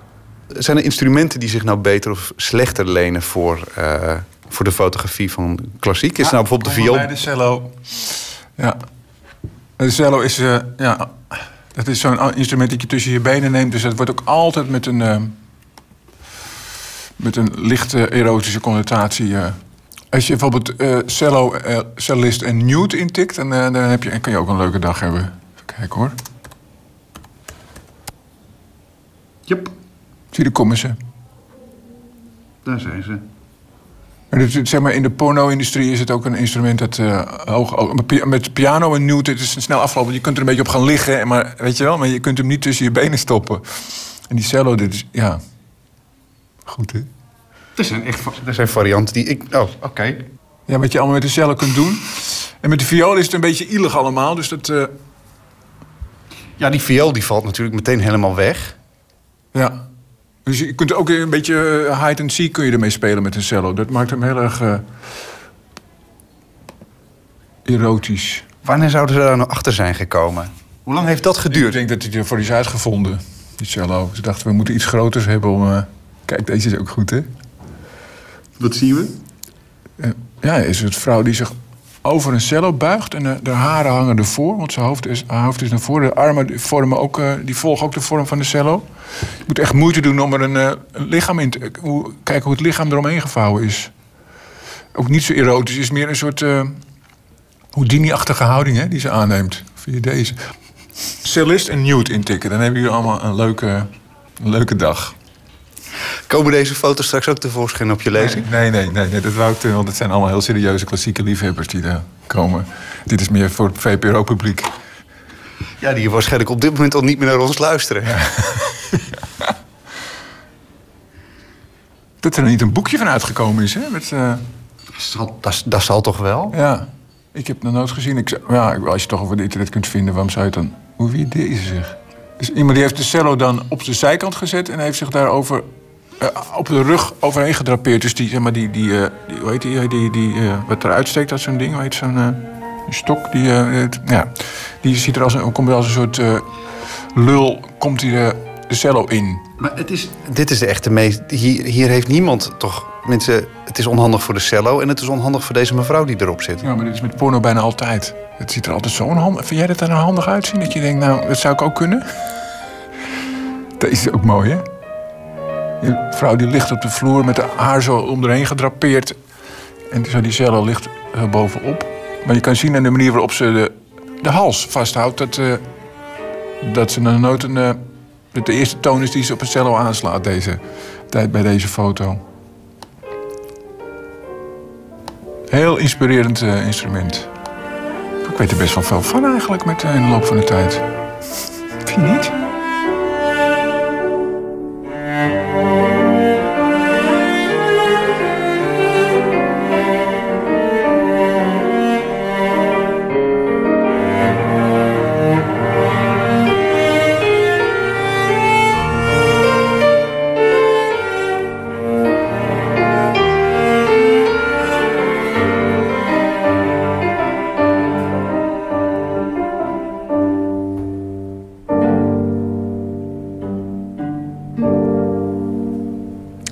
Fotodetective Hans Aarsman in een bijdrage van Maarten Westerveen over zijn kijk op de fotografie van klassieke muziek. De lezing Het Oog wil ook wat is eh, vrijdag te horen op de klassieke muziekbeurs Buma Classical. Meer informatie via de website van Buma Classical. We gaan luisteren naar eh, iets wat je trip-hop zou kunnen noemen. Dat werd eh, eind jaren 80 en in de jaren 90 op de kaart gezet door Portishead en Massive Attack. En Bristol in Engeland was de bakermat van het genre. Het Engelse trio London Grammar die bouwt daarop voort. En we gaan luisteren naar een stuk uit 2013 met de titel Strong.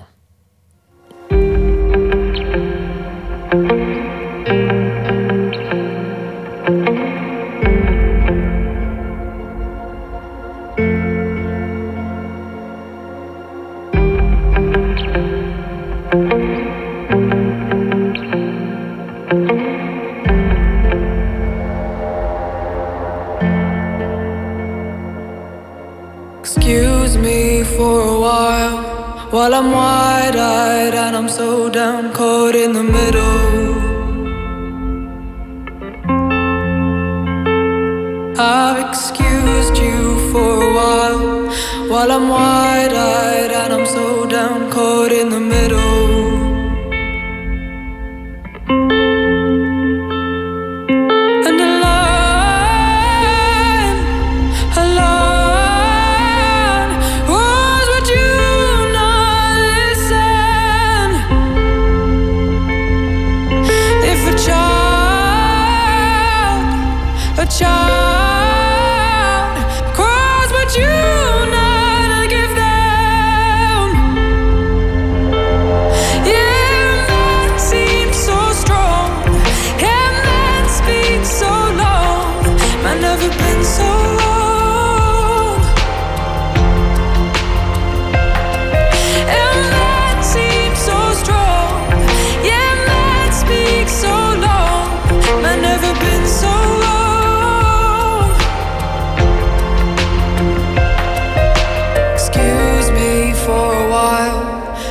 Blind eye with a stare caught right in the middle.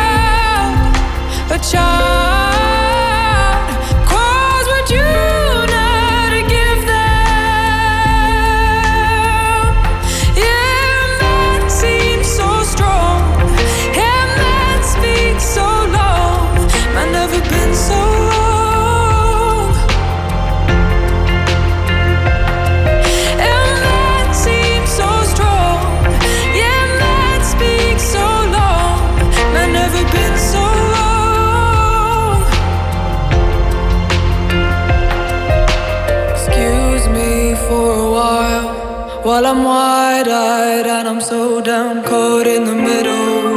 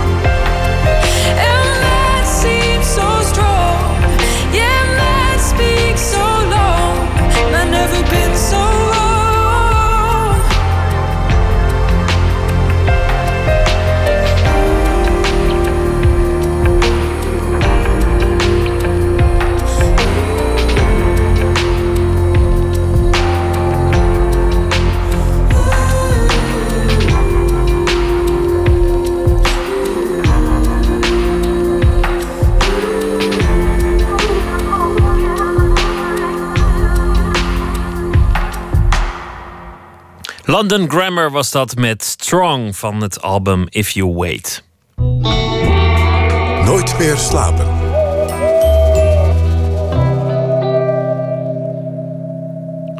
Andermans dood beleven alsof het je eigen einde is. Tijdens het ITVA is het mogelijk. Je kunt Kennedy of Gaddafi zijn tijdens hun laatste momenten op deze planeet. Via geur, geluid en in het donker kan de bezoeker via de installatie Famous Death het sterfmoment meemaken in de eerste persoon. Floortje Smit is uh, nachtcorrespondent en zij testen vandaag de dood van John F. Kennedy. Goedenacht, Floortje. Goedenacht, Pieter. De dood van John F. Kennedy, vertel. Ja, nou, ik dacht dus dat is leuk, want ik ben als filmjournalist heel erg gewend om, om alles voor me te zien. Ik ken dat filmpje dus ook heel goed. En ik was heel erg nieuwsgierig wat er gebeurt als je juist dat, dat visuele heel erg weghaalt. En dat Famous Deaths, dat is een, een onderdeel van DocLab, een uh, programma onderdeel van ITVA, waarmee ze gaan onderzoeken hoe je uh, documentaire verhalen eigenlijk op een hele nieuwe manier kunt vertellen.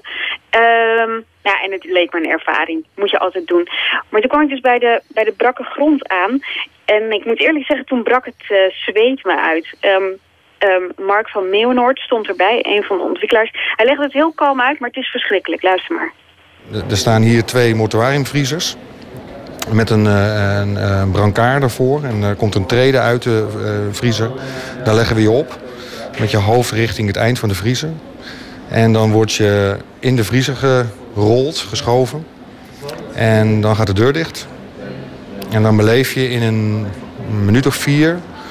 eh, het ligt aan welk scenario kiest, maar de, de laatste momenten van eh, in dit geval JFK, John F. Kennedy of uh, Muammar Gaddafi. Aan de hand van audio en geur. En dat is een, eh, een ervaring die je heel erg alleen eh, doormaakt. Je bent dus echt alleen in die kist. Ja, het is verschrikkelijk. Je ligt dus in een soort ijzeren afgesloten doodskist in het donker. Ehm, ik weet niet waar jij s'nachts van wakker wordt, maar dit is voor mij echt een, een nachtmerrie. Ik neem aan dat ze niet meer leefden zelf toen ze die kist ingingen. Dus het is niet echt de ervaring die zij hadden toen ze, toen ze stierven.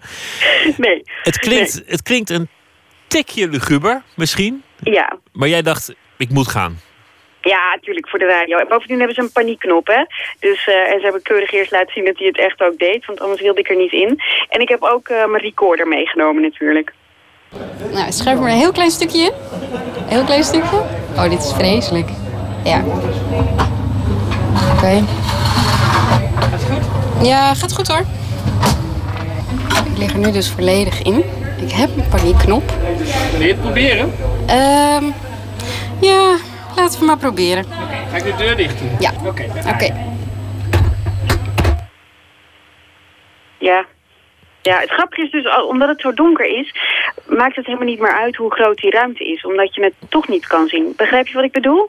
En juist omdat ze daarna komen met al die geluiden en die geuren, lijkt het veel ruimtelijker dan het is. Dus dat, dan is het eigenlijk weer helemaal niet zo heel erg.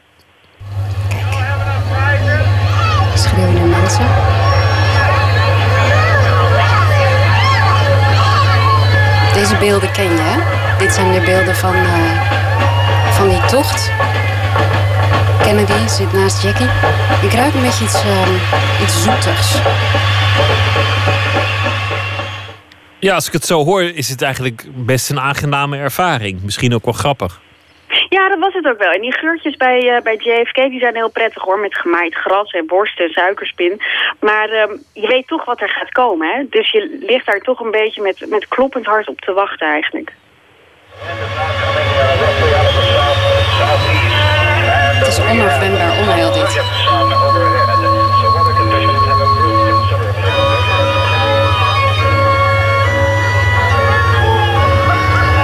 Wil dus je ogen dicht doen, maar dat maakt niet uit, want het is toch al heel donker.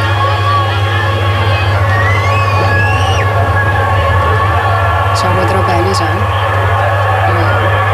Ik hoop het.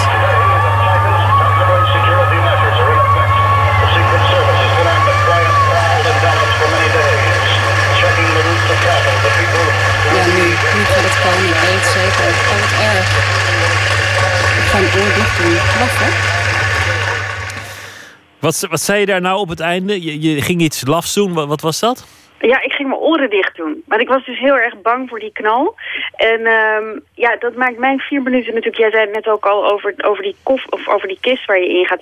Het is heel anders dan die van Kennedy natuurlijk. Want die wist helemaal niet wat er ging komen. En dat, dat zei ik ook tegen bedenker Frederik Durink. Maar waar het voor ons over ging, is, is heel erg de- het onderzoek van kun je, kun je door Dallas rijden? Kun je, wat, wat heeft hij geroken? Kun je dat ervaren op de een of andere manier? Kun je weggenomen worden uit deze context hier in Amsterdam, uit de brakke grond, of, of waar het, de tentoonstelling ook staat? Kun je, kun je ja, ja, eigenlijk de kijker zo onderdompelen dat er gewoon een hele andere beleving ontstaat? Dat is eigenlijk iets wat je heel vaak hoort. Hè? Om, om film met, met geur, met gevoel, met virtual reality... ehm, een graadje verder te laten gaan. Om het, om het wat realistischer te maken, om de beleving anders te krijgen. Is dat in dit geval gelukt? Ja, dat vind ik wel. Omdat je het filmpje juist zo ontzettend goed kent. En je krijgt al die geuren binnen. Het betekent dat je bijna een soort van mentaal gaat inzoomen en uitzoomen op, eh, op verschillende plekken. En het lijkt net alsof het gewoon alsof het zich wel voor je ogen afspeelt, maar dan anders. En ehm, ja, ik, ik vind het een intrigerende manier om, om mee te experimenteren. Zeker bij, bij een documentaire. Het is natuurlijk niet echt. Ik bedoel, het, het is nog steeds niet realistisch. Het, blijft een impressie. Ja, het blijft een impressie, maar, maar alles wat ze hebben gedaan met die, eh, met die geuren en met die geluiden, dat, dat, komt allemaal wel uit de werkelijkheid. Dat vertelde eh, Frederik Durink ook. We hebben onderzoek gedaan naar welke geuren ehm, en welke geuren kunnen we nou, eh, welke hebben we kunnen identificeren, wat zou er kunnen zijn geweest. Daar hebben we uiteindelijk een keuze in gemaakt. Ehm, en die geuren hebben we in een laboratorium hebben we die na laten maken. En die worden heel precies nagemaakt. Dus dat zijn dan ook hè, bijvoorbeeld. eh, ja, je hebt een bepaald sigarettenmerk in het geval van eh, Whitney Houston. Dan hebben we echt geprobeerd, oké, die, die sigaret, het moet echt, die geur willen we echt van die sigaret hebben. Ja, we, hebben we hebben uitgezocht wat was de geur nu van, eh, van bijvoorbeeld Jackie Onassis. Hè, wat, voor, wat was haar standaard parfum? Want dat vonden we belangrijk op het einde. Nou, die hebben we dan ook, die parfum gebruiken dan daarvoor.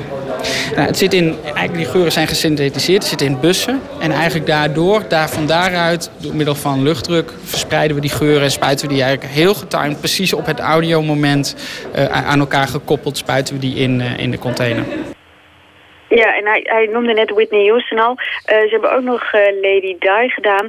Ehm, en ze hebben voor die beroemdheden gekozen, voor die vier. Juist omdat ze allemaal op een heel verschillende manier eh, aan het einde van hun leven kwamen. Heel plotseling, maar wel echt heel verschillend. Kijk, en Whitney Houston kan je natuurlijk best over twisten. Hè, want die zat alleen op de hotelkamer. Je weet helemaal niet precies wat daar natuurlijk gebeurd is. Ik zei al, het is misschien een beetje luguber. Hebben ze niet ook ontzettend veel ehm, gezeur over zich heen gekregen... van mensen die het niet ethisch vonden of niet smaakvol?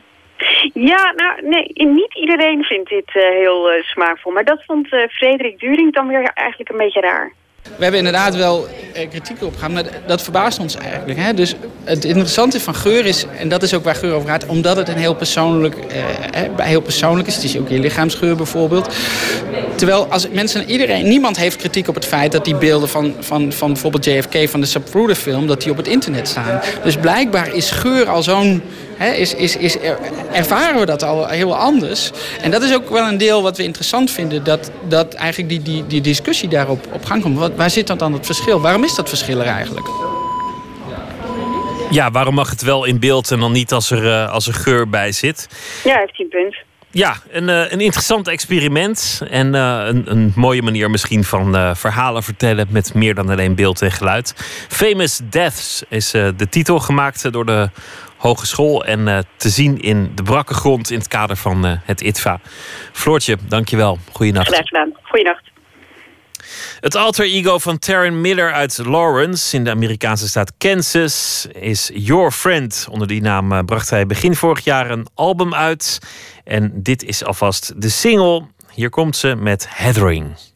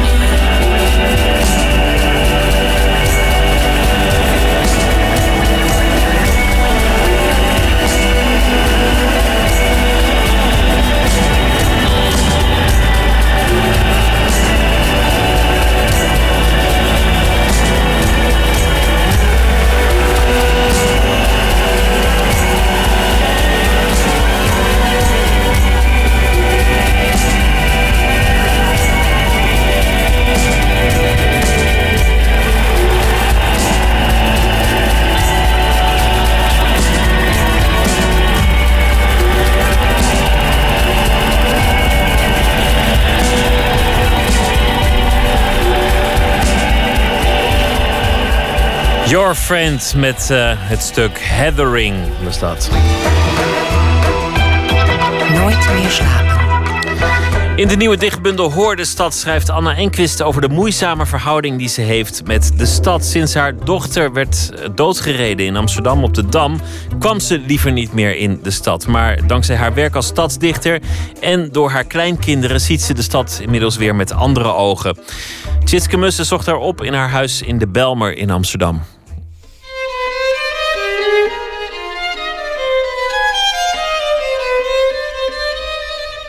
De meeste steden in Nederland hebben tegenwoordig een stadsdichter. Een dichter die regelmatig met een gedicht reageert op de actualiteit. Ergens eind 2013 wordt Anna Enquist gebeld of zij geen stadsdichter van Amsterdam wil worden. Ze denkt, Nou ja, dan hebben ze echt helemaal de verkeerde voor zich. Want ik heb niks met die stad. Ik zit eigenlijk alleen maar altijd te mopperen en te schelden... dat het te druk is en te vies en dit en dat. Maar ja, ik had... eh, In die tijd was mijn kleinzoon zo anderhalf. Dus dan kan je al zo met hem voor op de fiets gaan zitten. En dan fietste ik wel met hem door de stad. En dan merkte ik dat hij eigenlijk alles ontzettend spannend en heel belangrijk vond. Dus ik dacht, als ik nou eens probeer door zijn ogen te kijken... dan eh, kijk ik er misschien wat anders tegenaan. Dat Anna Enquist het centrum van Amsterdam voorheen liever meet, komt doordat in het hart van die stad op de Dam 14 jaar geleden haar dochter werd doodgereden door een vrachtwagen. Druk en gevaarlijk. Ja, dat is voor mij echt aan de stad komen hangen. Dat het een gevaarlijke plaats is. Dus ik vind het ook moeilijk dat die kleinkinderen het allemaal zo spannend en zo leuk vinden. Want ik denk, oh, kijk toch uit. Ja, ja. Maar ja, kijk, het is ook de stad eh, waar mijn grootouders gewoond hebben, waar mijn ouders gewoond hebben in het begin van hun huwelijk, hè, waar ik geboren ben. Eh, dus ik merkte dat dat soort herinneringen ook heel veel opkwamen. Lente in Amsterdam. Ik weet het. Je staat te rillen in je zomerjurk en toch schrijf ik, schrijf ik naar mijn stad. Schrale wind blaast je bloemen omver, tovert toorn in de blik van passanten. Het past mij niet je te schrijven, ik schrijf je. Hoe ik je verliet vormt het vroegste beeld in mijn hoofd. Lege kamer, de planken, herrie op straat, alles weg. Wie komt er terug naar een moeder die schreeuwt en zich aanstelt, wreed, zorgeloos, opgedirkt met lichten en linten? Ik. Naar een die haar kinderen dood en verdrinkt en s'avonds gaat dansen? Ik. Jij kan het niet helpen. Je kreunt rond je grachten. Ze versnijden je hart en ze boren diep in je darmen. Ik schrijf aan mijn stad in de kille lente. Wij hebben alles verloren, hebben spijt, wij zijn oud. Schoonheid zien we met moeite, verdriet. We hebben het koud. Ja, is niet erg vrolijk. Nee. Nee, ik weet ook wel. Het was ook toen eh, een tijd lang zo ontzettend koud weer. Dus dat, dat, dat soort concrete dingen, dat speelt ook, speelt ook mee hoor. En, eh, en ja, dat de schoonheid zien we met moeite. Als ik door de stad fiets, dan realiseer ik me echt wel hoe mooi het vaak is. Bij die grachten en die mooie gebouwen en zo. Maar ja, die andere kant is er ook. Uiteindelijk zei Enquist ja tegen het stadsdichterschap. Ze voert het ambt met plezier uit. Oh, dat heeft mij ontzettend opgejut. Want eh, ik denk alleen al het idee dat ze op je zitten te wachten. Ja, die gedichten moeten dan in de krant. En er zit vaak haast bij, omdat het over actuele dingen gaat. En eh, het is heel erg goed geregeld. Er is een, een, een soort agenten, die, ja, dat noemen ze dan de back-office. Die alle. Ja, ja, maar dat is echt geweldig hoor. Want die ontvangen alle verzoeken. En die eh, schriften dan. En wordt me wordt voorgelegd: wil je dit of wil je dat? En dan kan ik ook rustig nee zeggen. Of ja, als het ja is. En eh, nou ja, eh, je hebt het gevoel dat je meedoet. Dat je, en dat is ook zo. Je krijgt ook allerlei leuke opdrachten daarbuiten.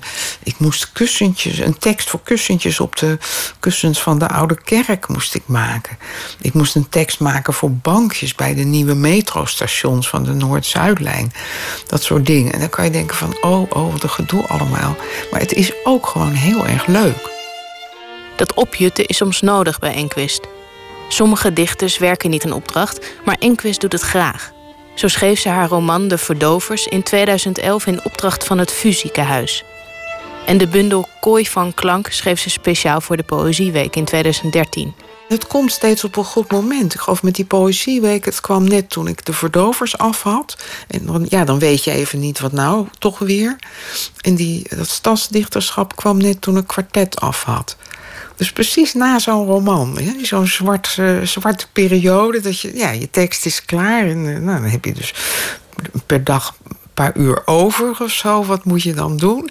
En dan bellen ze op en dan vragen ze... Nou ja, wil je een cyclus gedichten schrijven? Of, ja, dan heb ik, gewoon, heb ik ja gezegd. ja. Ook een beetje een stok achter de deur. Ja.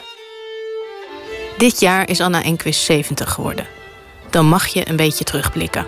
Nou, ik denk dat die eerste bundels, ja, dat was zo'n uh, zo'n enthousiasme. En ik had dat toen net, net ontdekt dat dat kon, hè, poëzie schrijven. En hoe geweldig leuk dat was. En hoe je al die dingen die je uit de muziek kende in dat gedichten schrijven kon toepassen. En nou, ik wist gewoon niet van ophouden. Het spoot eruit eigenlijk. En dat is al, allemaal heel erg veranderd. Het is gewoner geworden. Je weet als je gaat zitten en maar lang genoeg je best doet, dan komt er wel iets. En eh, ja, je bent wat ervarener geworden in hoe structureer je nou zo'n gedicht. Dus het, het, verrassende is er een beetje af. En wat ik ook wel vind, als je ouder wordt, hè, dan, als je wel eens dan een idee hebt van je wordt geroerd door iets en wil je iets over schrijven. En dat je dan al heel snel denkt: ja, maar dat heb ik vroeger al gedaan. Laat maar zitten. Of dat heb ik al veel beter gedaan. Doe maar niet. Dus daarom gaat het ook langzamer als je ouder wordt. Dan heb je niet meer elke twee jaar een bundel, maar misschien elke vier of vijf jaar. Vindt u dit jammer? Hmm, ik kan het wel eens missen, dat, dat enthousiasme uit het van de begintijd. Maar ik denk ook, ja, het is gewoon de realiteit. Zo gaat het. Het is ook logisch. Ik heb acht bundels geschreven. Ja, vind ik het dan gek als ik soms van dingen denk van, nou ja, laat maar zitten. Is al geweest. En er is niet een, een stukje in u dat dan denkt van, ik moet, ik moet het eens een, op een andere manier doen, zodat ik mezelf weer kan verrassen? Ja, ik probeer het wel eens. En je ziet dat soms ook wel aan gedichten, dat dat soms wat anders van opzet is. Of, maar ik merk toch dat ik heel vaak toch bij dezelfde dingen of dezelfde taal uitkom. Dus dat zal wel dan toch iets van mij zijn. dat ik eigenlijk vrijwel altijd schrijf, bijvoorbeeld in gewone lopende zinnen. En dat ik het liefste uh, geen vreemde woorden gebruik. En uh, ja, dat ik toch de laatste acht jaar of zo het liefste schrijf ik. Uh, ja, met witte regels en kleine stukjes. Niet meer van die grote klonten. Hoewel, dan zie je zo'n gedicht als Lente in Amsterdam. Dat zijn wel weer klonten, maar goed. Dus, dus ja, bij je moet je denk ik, of je moet niks, maar uh, dat het goed is om me ook neer te leggen bij wat kennelijk bij mij hoort en dat, wat kennelijk zo is. De gelaagde stad. Als slip dat op de bodem ligt en de rivier optilt. Ja, alles valt. Blaren en vruchtbeginsels dalen in een tempo dat het onze ver te buiten gaat. Wat wij wegsmijten en doorleven wordt een fris tapijt, waaronder in diep donker de geschiedenis. Toen ik een kleuter was en langs de Amstel liep, grootmoeders handen in de mof van Astrakam en toen mijn dochter slagen maakte in haar skif, hebben mijn ouders in dat laatste oorlogsjaar een eend gewurgd, hun drieste hoop vervuld. Laag boven laag, en alles valt, vertrapt en ingeklonken, met geweld te sleuren naar onwillig oppervlak. Nu zit ik op de drempel naar een tuin. Verleden likt mijn enkels, maar dicht naast mij gloeit de toekomst aan. Kleindochter, zonder taal nog, grinnikt boven vette knietjes. Alles valt, maar zij gaat staan. Nu werd de- deze bundel door uw uitgever ehm, aangeprezen met... Zo'n majeur hebben we het bij Enquist nog nooit gezien. Ja. Bent u het daarmee eens? Nee hoor, ik vond het heel overdreven. Maar Peter Nijssen, die wou dat graag zo. Of die las dat er kennelijk in. Maar ik dacht, nou, zo erg ben ik niet veranderd. Maar misschien is het wel waar dat ik gewoon door die opdrachten... toch, ja, wat meer erin ben gaan staan. En daarmee ook wat positiever ben gaan kijken. Het kan, ja. Ik had ook het idee dat er een vleugje zonlicht doorheen Ja, kwam af en nou, toe. Ook misschien wel. door die kleinkinderen. Ja, die, ja, dat denk ik ook hoor. Zo voel ik het ook wel, ja. Ja, het is natuurlijk geweldig om te zien hoe dat gewoon allemaal weer begint. En met een enthousiasme waar je natuurlijk ook doodsbang van wordt. Maar wat ook, ja, dat, dan zie je echt de kracht van het leven. En je hebt natuurlijk op mijn leeftijd dat ja, je vrienden sterven of krijgen vreselijke ziektes of zo. Maar dit is er ook. De volgende bundel, een, eh, een hele zonnige met, met kindergedichten. Ja, dat zou wel leuk zijn. Hè? Iets voor kinderen schrijven. Maar dat is een vak apart, geloof ik. Maar eh, ja, het zijn allebei ontzettende lezers. De twee oudste kleinkinderen. Dus wat dat betreft zou het leuk zijn om iets voor, voor de kleinkinderen te schrijven. Ja. Ik denk dat iemand u een opdracht moet komen geven. Ja, dat zou eigenlijk moeten. Ja, dan eh, kom ik wel eh, een beetje op gang. Mussen in gesprek met Anna Enquist. De bundel heet Hoor de Stad en is eh, vanaf heden te krijgen. Anna Enquist werd dit jaar 70 en al haar romans zijn ook opnieuw uitgebracht. Neil Young heeft een eh, nieuw album, een live album. Opnames eh, eind jaren 80 gemaakt. Er staan ook niet eerder uitgebrachte stukken op, zoals het nummer Soul of a Woman.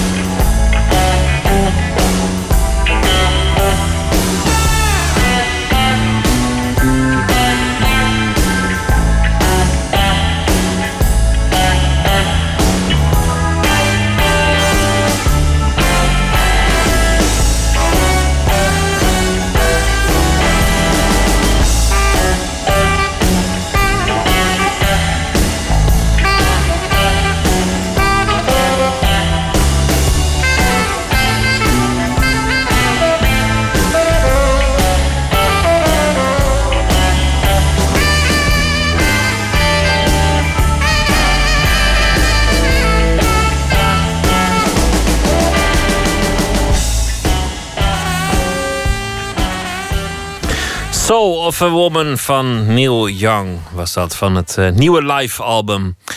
We zullen afsluiten met eh, poëzie. Sylvia Hubers is eh, dichter, zal deze week elke nacht een gedicht uitkiezen van haar favorieten.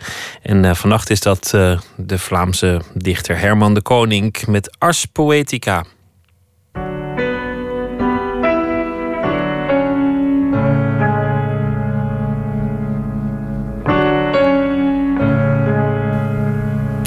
Ik lees een gedicht voor van Herman de Koning, Vlaamse dichter, helaas veel te vroeg overleden. En niettemin heeft hij een enorme hoeveelheid kekke gedichten achtergelaten, waar ik vaak van geniet. En ik wil graag voor gaan lezen een gedicht uit De Lenige Liefde, omdat ik het altijd terugpak als ik een bundel uit ga geven. En als het moment daar is, dat de selectie klaar is en de redactie en de correctie. Als dat allemaal gedaan is, dan gaat het uit mijn handen naar de handen van de mensen die er een boek van gaan maken. En dat moment is een wat moeilijk moment. Dan geef je het over. En Herman de Koning, die heeft uh, een gedicht geschreven waarin dat precies staat. En ik kan me zo voorstellen dat het op heel veel dingen van toepassing is. Als je bijvoorbeeld een puberdochter hebt die voor het eerst naar de disco gaat. Dat je hetzelfde soort gevoel hebt.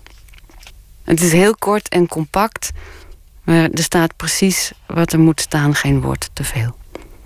Dit gedicht lees ik altijd op zo'n moment dat mijn werk uit handen gaat. En dat biedt mij soelaas. Ars Poetica 1 Zie hoe mijn zachtste gedachte als een zevenmaandertje onder te veel licht te ademen ligt in de glazen broeikas van dit gedicht. En ik moet buiten blijven staan en kijken door de ruiten, want ik kan er niet meer aan. Sylvia Hubers las uh, Ars Poetica, een gedicht van Herman de Koning. Morgen dan komt uh, Paul Baten Gronda langs, een Vlaamse auteur. Hij woont al uh, lange tijd in Noord-Italië. Komt praten over zijn nieuwe roman. Voor nu een hele goede nacht en morgen een leuke dag. En ik hoop dat u morgen weer zult luisteren. Goeienacht.